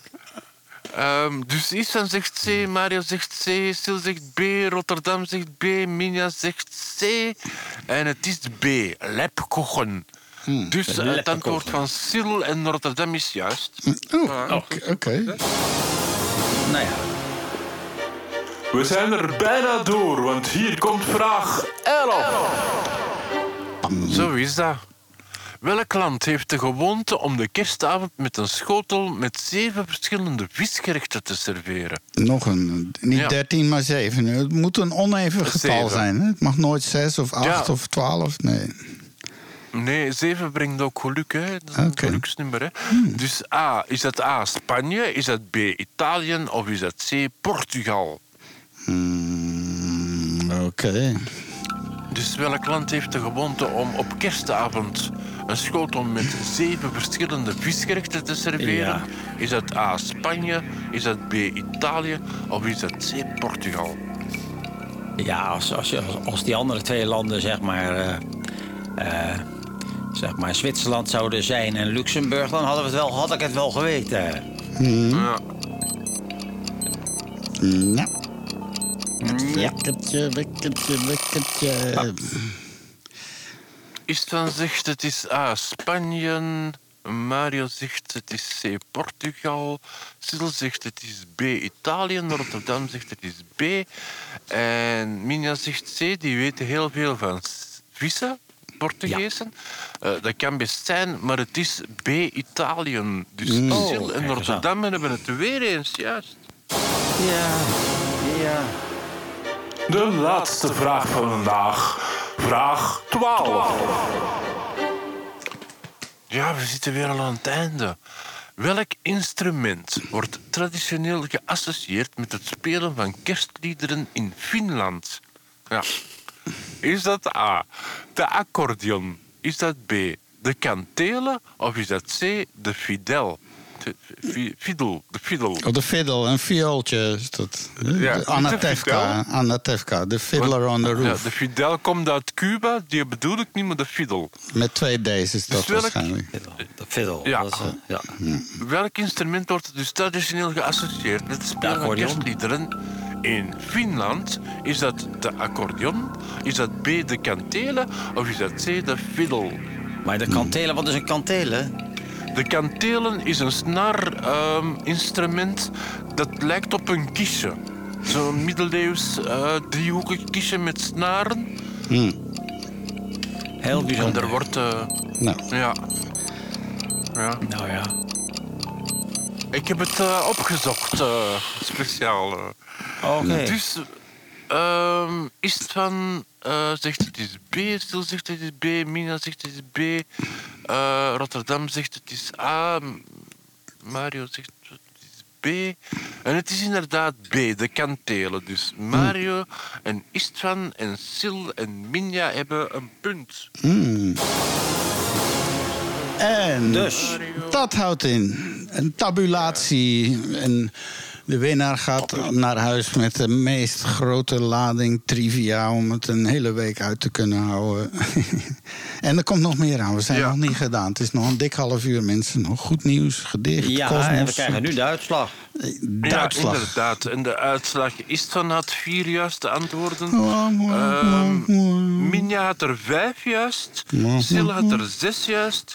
Rotterdam had er vijf juist.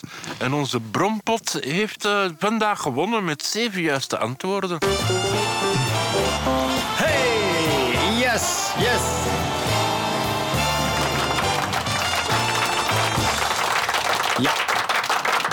Vorige week had iedereen gewonnen. Dat was ook wel leuk. Maar ja, Mario heeft het deze week gedaan. nee, ik ga weer even zwelgen in zelfgenoegzaamheid. Heerlijk. Ja, Geweldig. Polonaise, Polonaise door de gang. Hè.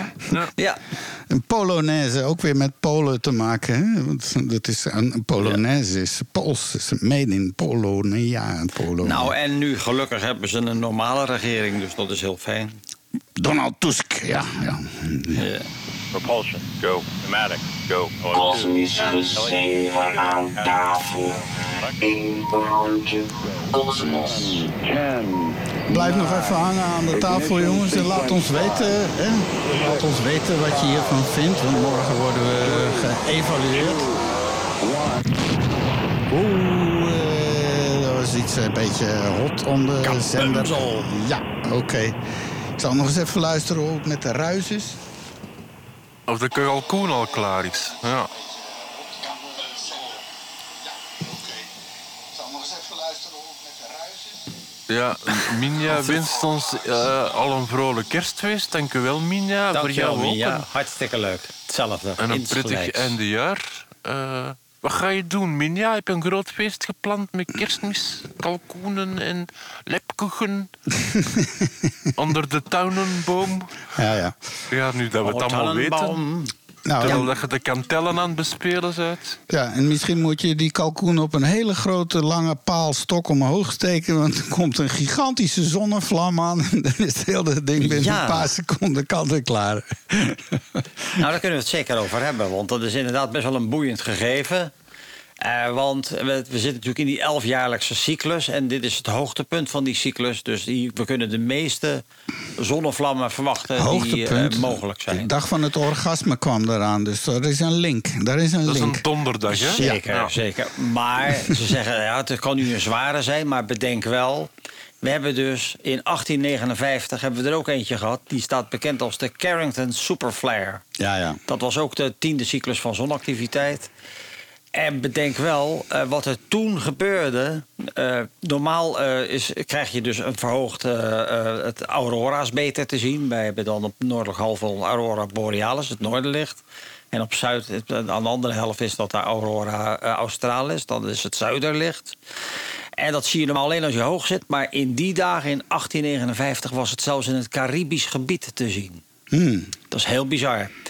En mijnwerkers die buiten waren, konden de- makkelijk de krant lezen. En eh, toen hadden ze eigenlijk alleen nog maar eh, communicatieverkeer via de telegraaf.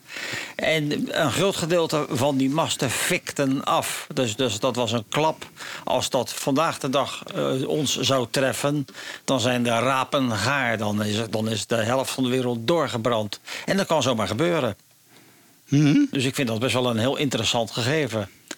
En nu zegt NASA, we hebben de grootste zonnevlam eh, van de afgelopen jaren. Ja, dat is waar, maar dat is niet te vergelijken met die van 1859. Dus dat is even een, een punt van aandacht, zal ik maar Dus die zeggen. kan nog komen, zo'n joekel.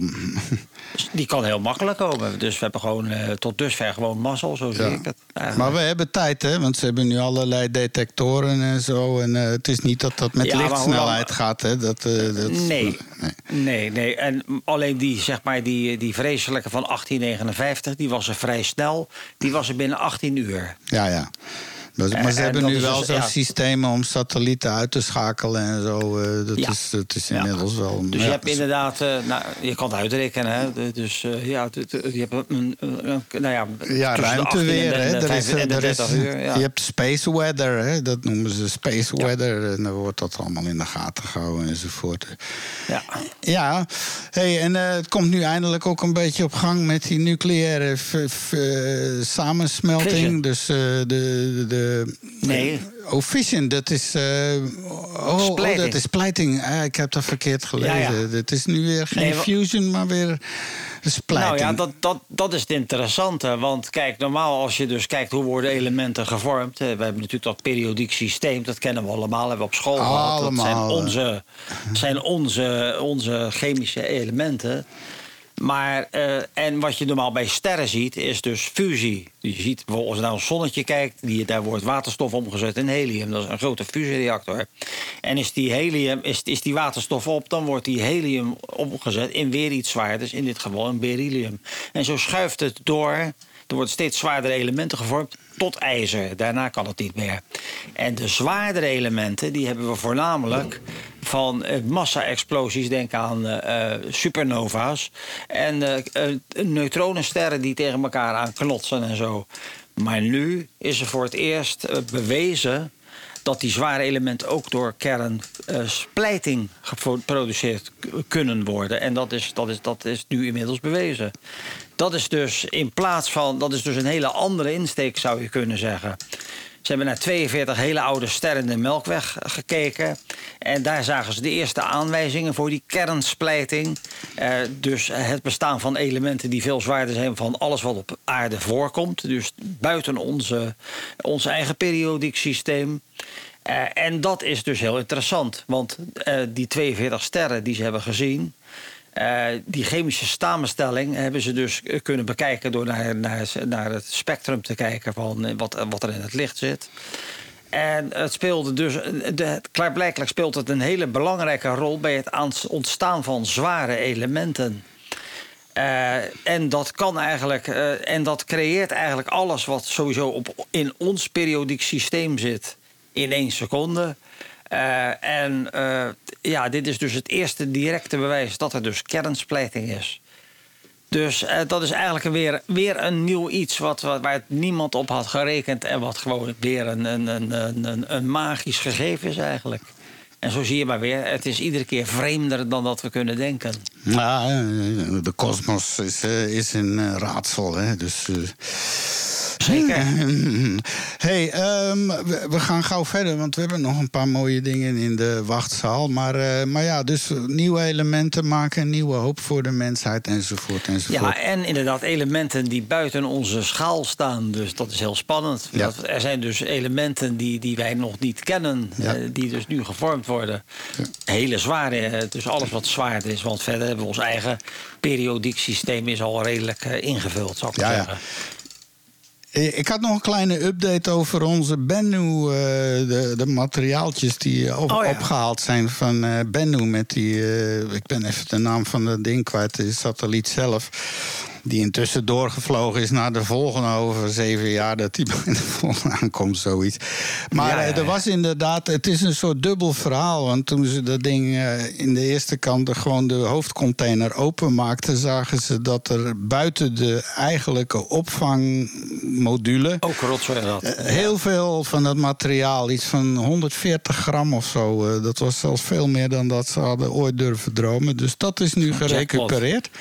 Maar eh, van de, ik geloof, 32 schroeven waarmee dat, dat ding eh, dichtgeschroefd is, de feitelijke container, willen er twee onmogelijk los. En ze moeten nu nieuwe gereedschappen en nieuwe systemen bedenken en fabriceren. om dat toch nog open te krijgen. Want dat is ongelooflijk moeilijk. Want dat mag op geen enkele manier ook maar enig contact hebben met de aarde of aarde, lucht of straling. Want ze moeten dat zo Ja. pristien Ze mogen bewaren. het dus niet open Nee, Trouwens, we hebben al één, erop. steunbetuiging binnen op uh, info.praattafel.be. Die kunnen we zeker gebruiken, mensen. Het is fijn om te horen, want we doen dit inderdaad heel, heel erg graag. Oh, aardig. En wat Ja. de toekomst ook brengt, we gaan gewoon door. En eh, er zijn allerlei dingen. Nogmaals, eh, het idee is dat morgenavond werden we beoordeeld op een algemene vergadering van Radio Centraal. En naar ik hoorde, was dat nogal gemengd. Dus eh, wat wij horen is dat het helemaal niet goed werd ontvangen. En dat er eh, klachten Ja, waren, weet ik veel. redelijk negatief. Maar wat ik niet begrijp is de- er wordt gezegd, er zijn heel veel klachten. Waarom hebben ze die niet doorgegeven? Want normaal als er een klacht is, dan wordt dat doorgegeven... en dan kunnen Ja. we er iets aan doen. En- en ik dacht maar hier worden ze op een stapel gelegd... totdat ze er heel veel hebben. En dan zeggen ze, ja, er zijn zoveel klachten... dat je moet stoppen waarschijnlijk. Ja, en komt normaal op als mensen iets niet leuk vinden, dacht ik dat ze je op Facebook voor pek en veren en weet ik veel wat allemaal uitmaken. Maar eh, nee hoor. Of, of komt die klacht van één persoon en dat hij dan 160 keren diezelfde klacht heeft gezegd van ja, ik vind iets van niet leuk of zo. Dat zou ook Ja. kunnen, hè? Ja, dat zullen Ja. we nooit weten. Hè? Maar we hebben nog een klein half uur te gaan. eh, want ja, na gevolg van die uitslag van die vergadering kan ik niet garanderen dat we op deze plek. Wat er ook gebeurt, we zullen zeker te Ja. beluisteren zijn. Hoe dan ook. eh, Dinsdag eh, van eh, voortaan, voortaan, voortaan. Wat er ook gebeurt. En ook live. We hebben een, we hebben een alternatief daarvoor. Dus hou contact via onze praattafel Facebookpagina. Daar houden we je op de hoogte van alles. En ook op we de een eigen website. stream, streamdienst, hè, dus op zich maakt het niet uit, want de meeste mensen die ik ken, die volgen de stream. Ja. Dus, dus op zich blijft het eigenlijk hetzelfde, buiten dan die drie man die niet op de FM luisteren. Ja, Die- dat die is ook nog dan- zeker een probleem. eh, dat, eh, hè. Maar we hebben nu in elk geval aan- op de livestream van Centraal zelf alvast 30 luisteraars. Wat voor, voor zover ik weet toch wel een, eh, een, een soort maximum is. We, we zaten altijd zo rond de 2, 25, 27. Maar, en, en ze blijven kennelijk hangen met die ruis. En ik wil toch niet denken dat die ruis op de een of andere manier met opzet is gedaan. Nee, dat kan niet. Maar ik krijg ook Dat is geen een antwoord. kerstkalkoen, hè? Ja, kerstkalkoen misschien doen ze dat gewoon nu de hele week met alle programma's om een beetje in de kerstfeer te komen. Eh, gedaan met de ruimtevaart. We gaan weer terug op aarde. Heel snel ruimte maken. Uw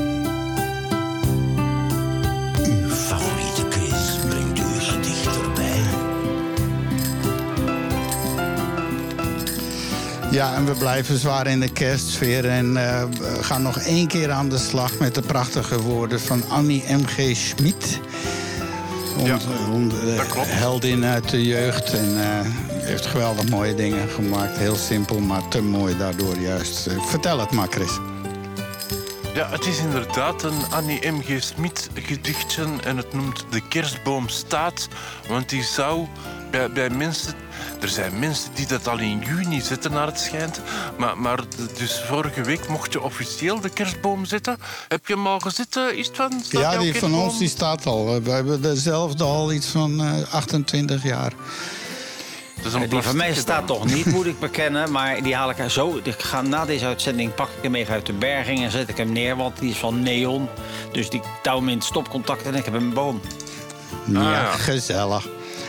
Ja, ik heb zo'n sneeuwbal waar dat een kerstboom in staat. En kan ik schudden en dan sneeuwt het ook werkelijk. Ja, ja, en die vult jouw Dat hele is- ruimte daar. Eh, jij woont erg krap, Ja. dacht ik. Ja, ja. Maar krap is lekker, hè. Ik, ik lust dat wel. ja, oké. En, en ik heb gekleurde lichtjes boven mijn computergangen, dus dat is Oh ja. ook gezellig. Ja. Ja, of zo'n ding wat je tegenwoordig, eh, zo'n bol die je hele kamer voorziet van sterretjes en sterretjes en zo. Dat is ook een rage nu. Nou ja, goed. Ik heb- ja. Terug Dus, naar het eh, gedicht. Terug naar het gedicht, ja. Ja. Het is eh, eh, inderdaad een Annie M.G. Smit gedichtje. Het noemt De kerstboom staat. En het wordt eh, ongelooflijk mooi begeleid elke keer eh, door Mario uit Rotterdam. En die gaat dat vandaag ook doen.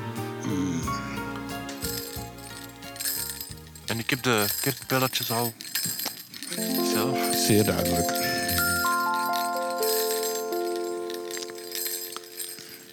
De kerstboom staat. Hij heeft zijn mooiste pak aan. Van lichtjes en balletjes. Hij knippert en schittert dat het een haard heeft. En kraakt van plezier, want hij leeft. Want in de nacht doen al zijn takken en ook zijn ballen en ook zijn schors en ook zijn bast en ook zijn hout en ook zijn stam en ook zijn wortels en ook zijn sap mee aan de droom van het kindje dat slapen gaat. Het kindje droomt van lichtjes en balletjes. Het kindje droomt van morgen weer wakker worden. Het kindje droomt van de takken van de kerstboom. Het kindje droomt van de ballen van de kerstboom. En het kindje droomt van de lichtjes van de kerstboom. Het kindje slaapt. De kerstboom waakt. En knippert en schittert en kraakt van plezier, want hij leeft. En droomt in het hart van het kindje mee.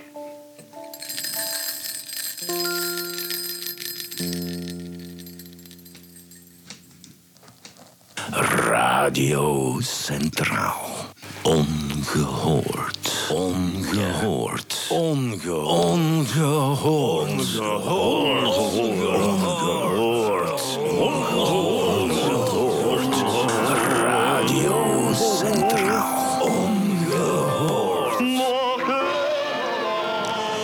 Vooral zullen ze ons niet meer horen eh, na volgende week misschien, eh, denk ik. Dan zijn wij ook ongehoord.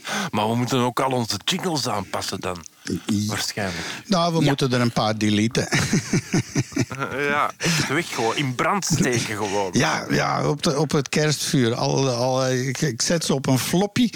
Ik heb hier nog een floppy disk gevonden van de week. Maar nu moet ik nog een USB floppy disk drive zien op te sporen. Want dat bestaat ook al niet meer.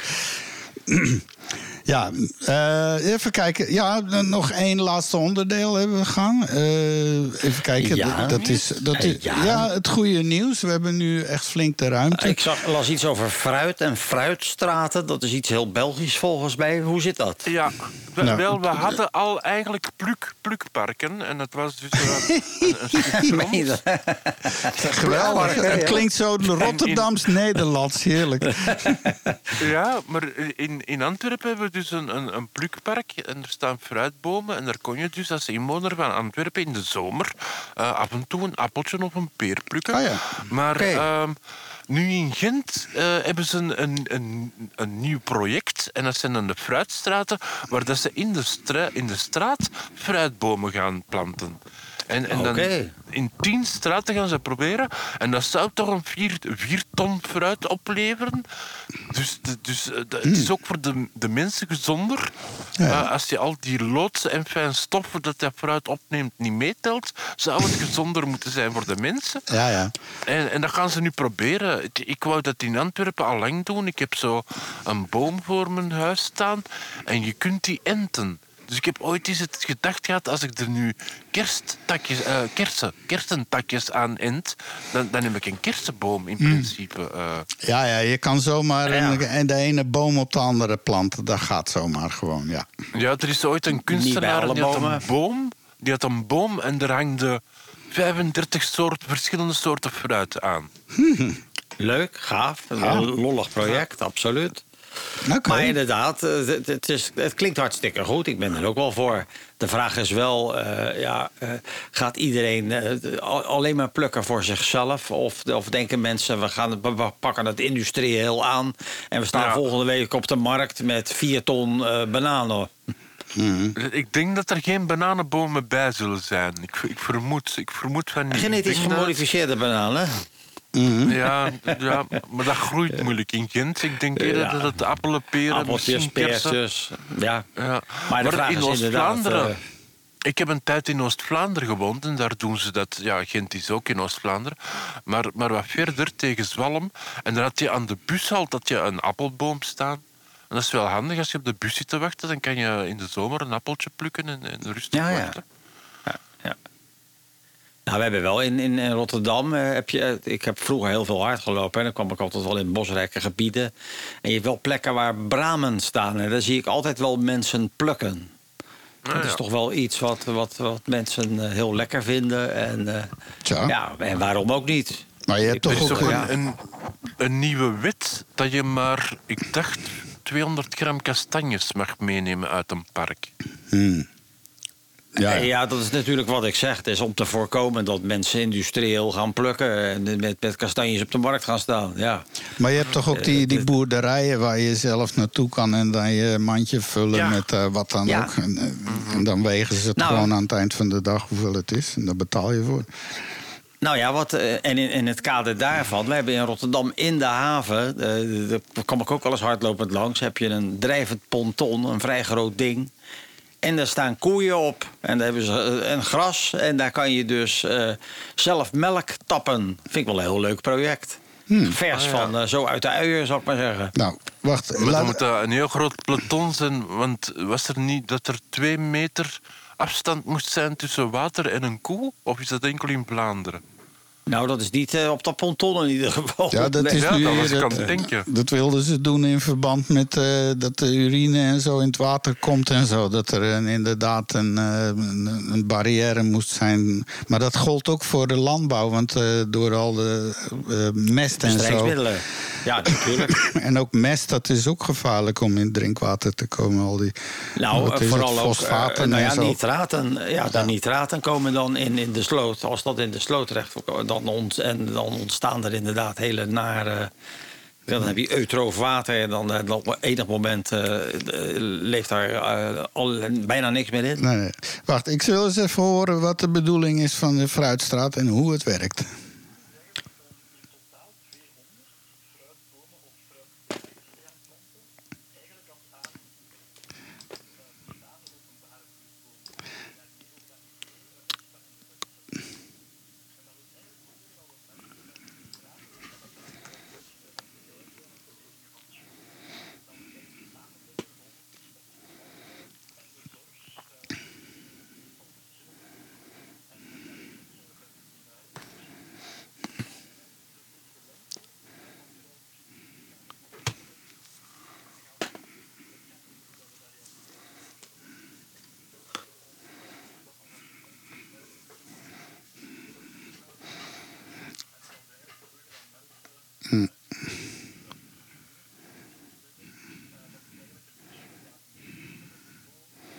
Oei, oei.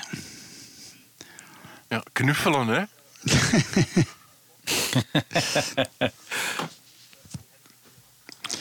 Ja, dit klinkt wel Ja, een beetje dus uh, geitenwolle Steiner. eh, zo melmen met madeliefjes Ja. rond de boom dansen. Nee, niet echt. Eigenlijk komt het erop neer als je dus zo eh, eh, een straat hebt waar dat ze zo'n fruitbomen, dan is het als bewoner van de straat dat jij voor die boom zorgt. Dus dat hij eh, gesnoeid wordt, dat hij genoeg eh, drinken heeft. Af en toe een knuffel kan geen kwaad. Maar dus Ja, dat je zelf zorgt voor die boom. Dat, is de bedoeling wel. Ja, doe me denken aan volkstuintjes. Hè? De mensen die een eigen stukje groen ergens hebben. En geveltuintjes. Maar Op ja, zich ben ik daar wel voor. Maar die Ja, kiezen niet? daarvoor. Maar hier staat er zo'n boom voor je deur. En of je nou wil of niet, je, je zit vast aan dat kring. Ja, oké. ja. Ik heb niks ja, dat met is misschien niet bomen. altijd handig. Het is goed Nee. nieuws. Goed nieuws. Ja. Ja, En trouwens, ik zou niet liever hebben dat ze hier voor mijn deur eh, een appel of een peer... Liefst een kersenboom, want kersen zijn heel duur eh, in de winkel.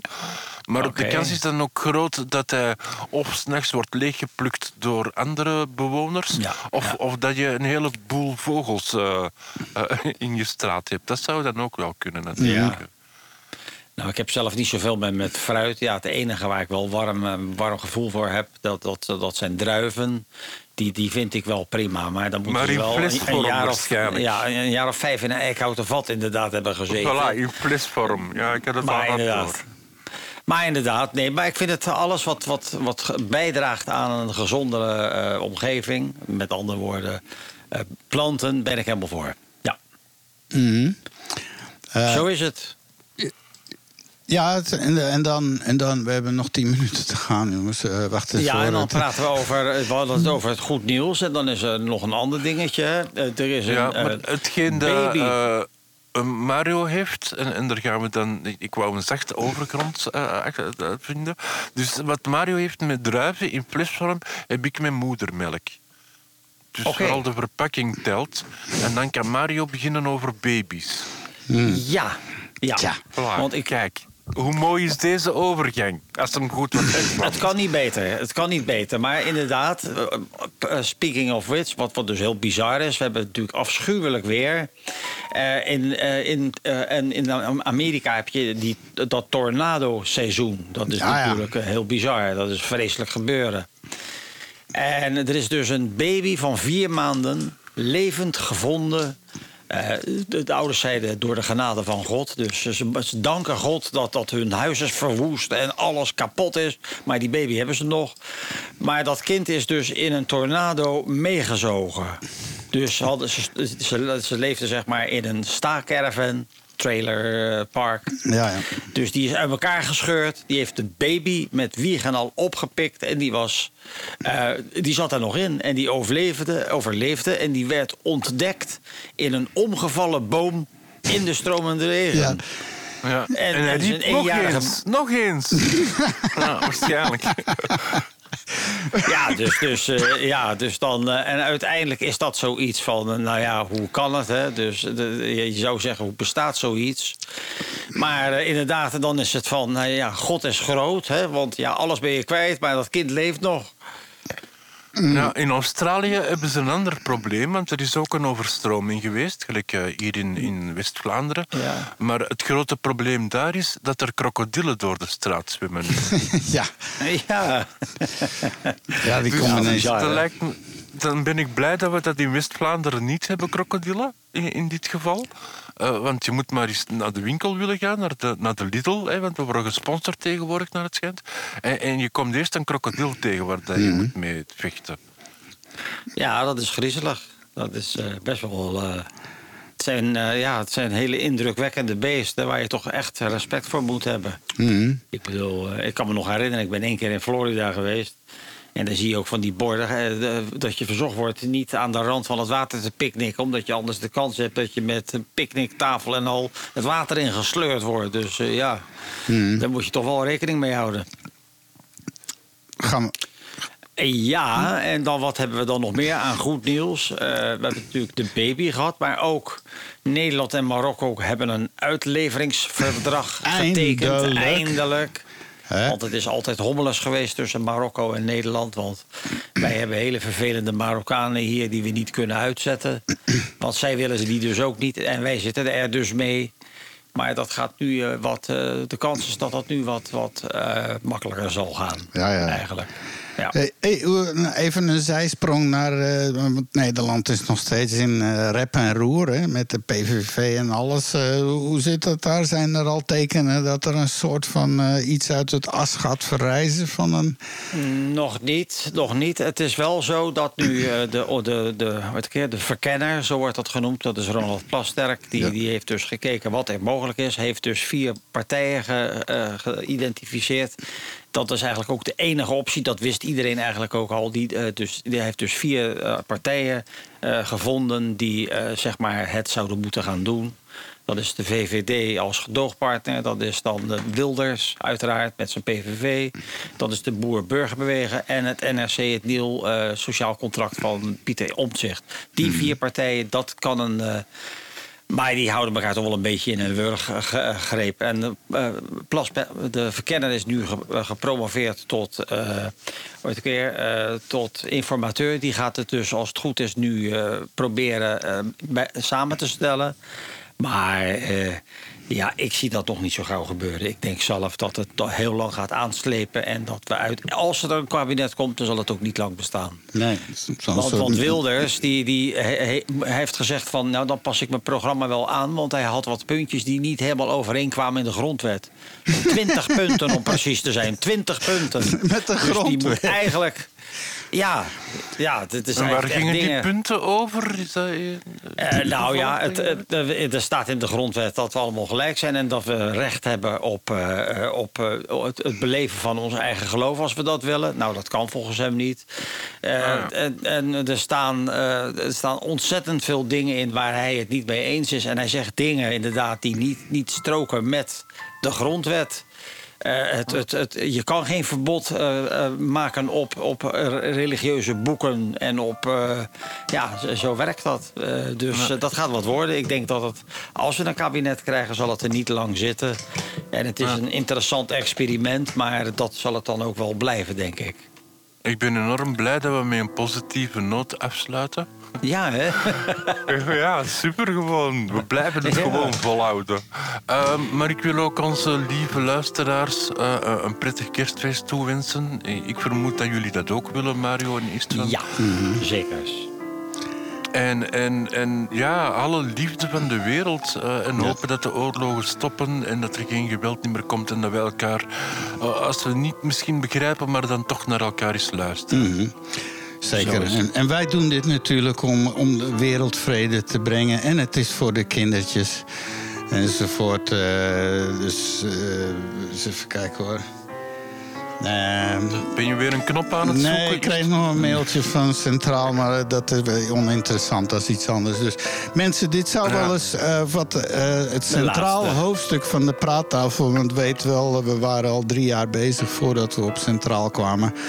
Eh, met eh Philippe en alles en ook Mario en jou ook. En dan zijn we bij Centraal binnengegaan. Fijn, nu ziet het er naar uit eh, dat het niet heel veel langer gaat duren. Waarschijnlijk zelfs Ja, deze... maar is het van, Ja. er wordt gezegd, als er een deur sluit, gaan er andere deuren open. Zo vind ik Dus dat ook. Ik- Zo is het. Ja. Zo is het. Je moet het zelf omdraaien naar iets positiefs. En dat kan gewoon. Absoluut. Hou ons in de gaten via de praattafel op de Facebook. Houden we je op de hoogte. En ook op onze website.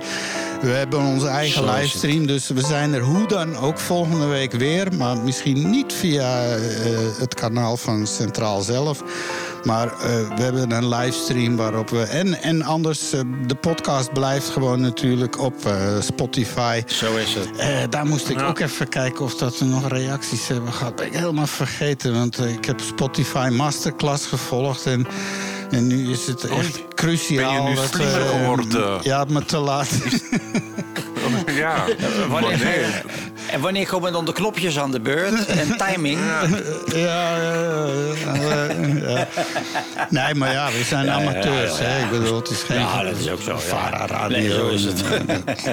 Alsof er bij de normale omroep nooit iets eh, misgaat of zo. Eh, de praattafel. Even kijken hoor. Interactie.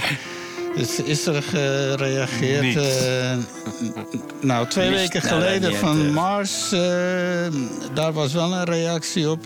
Ik vond het tof. Nou, hartstikke Nou. goed. En, en als de, ook de mensen bij Radio Centraal zelf, eh, hoop ik, die wens ik toch ook het beste toe. Dat ze ook een fijne kerst hebben. En natuurlijk alle Absoluut. luisteraars. En eh, dit gaat, eh, hopelijk zien we of horen we elkaar weer. En anders inderdaad via een ander kanaal.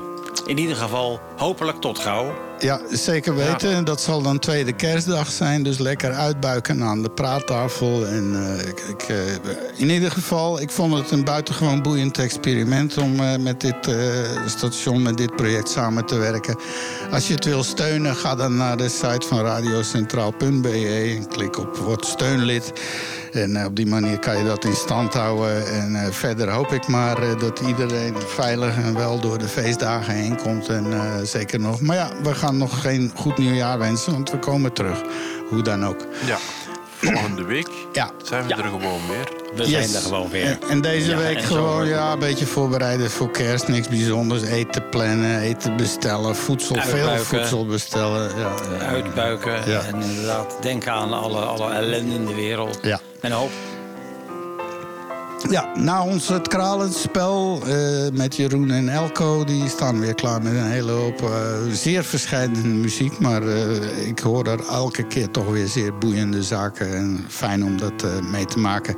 Ik wens jullie ook allemaal veel succes. Iedereen die luistert en iedereen die bezig is met Centraal. Morgen is er de algemene vergadering. wellicht tot dan. En, en ik zou zeggen... good luck en so long.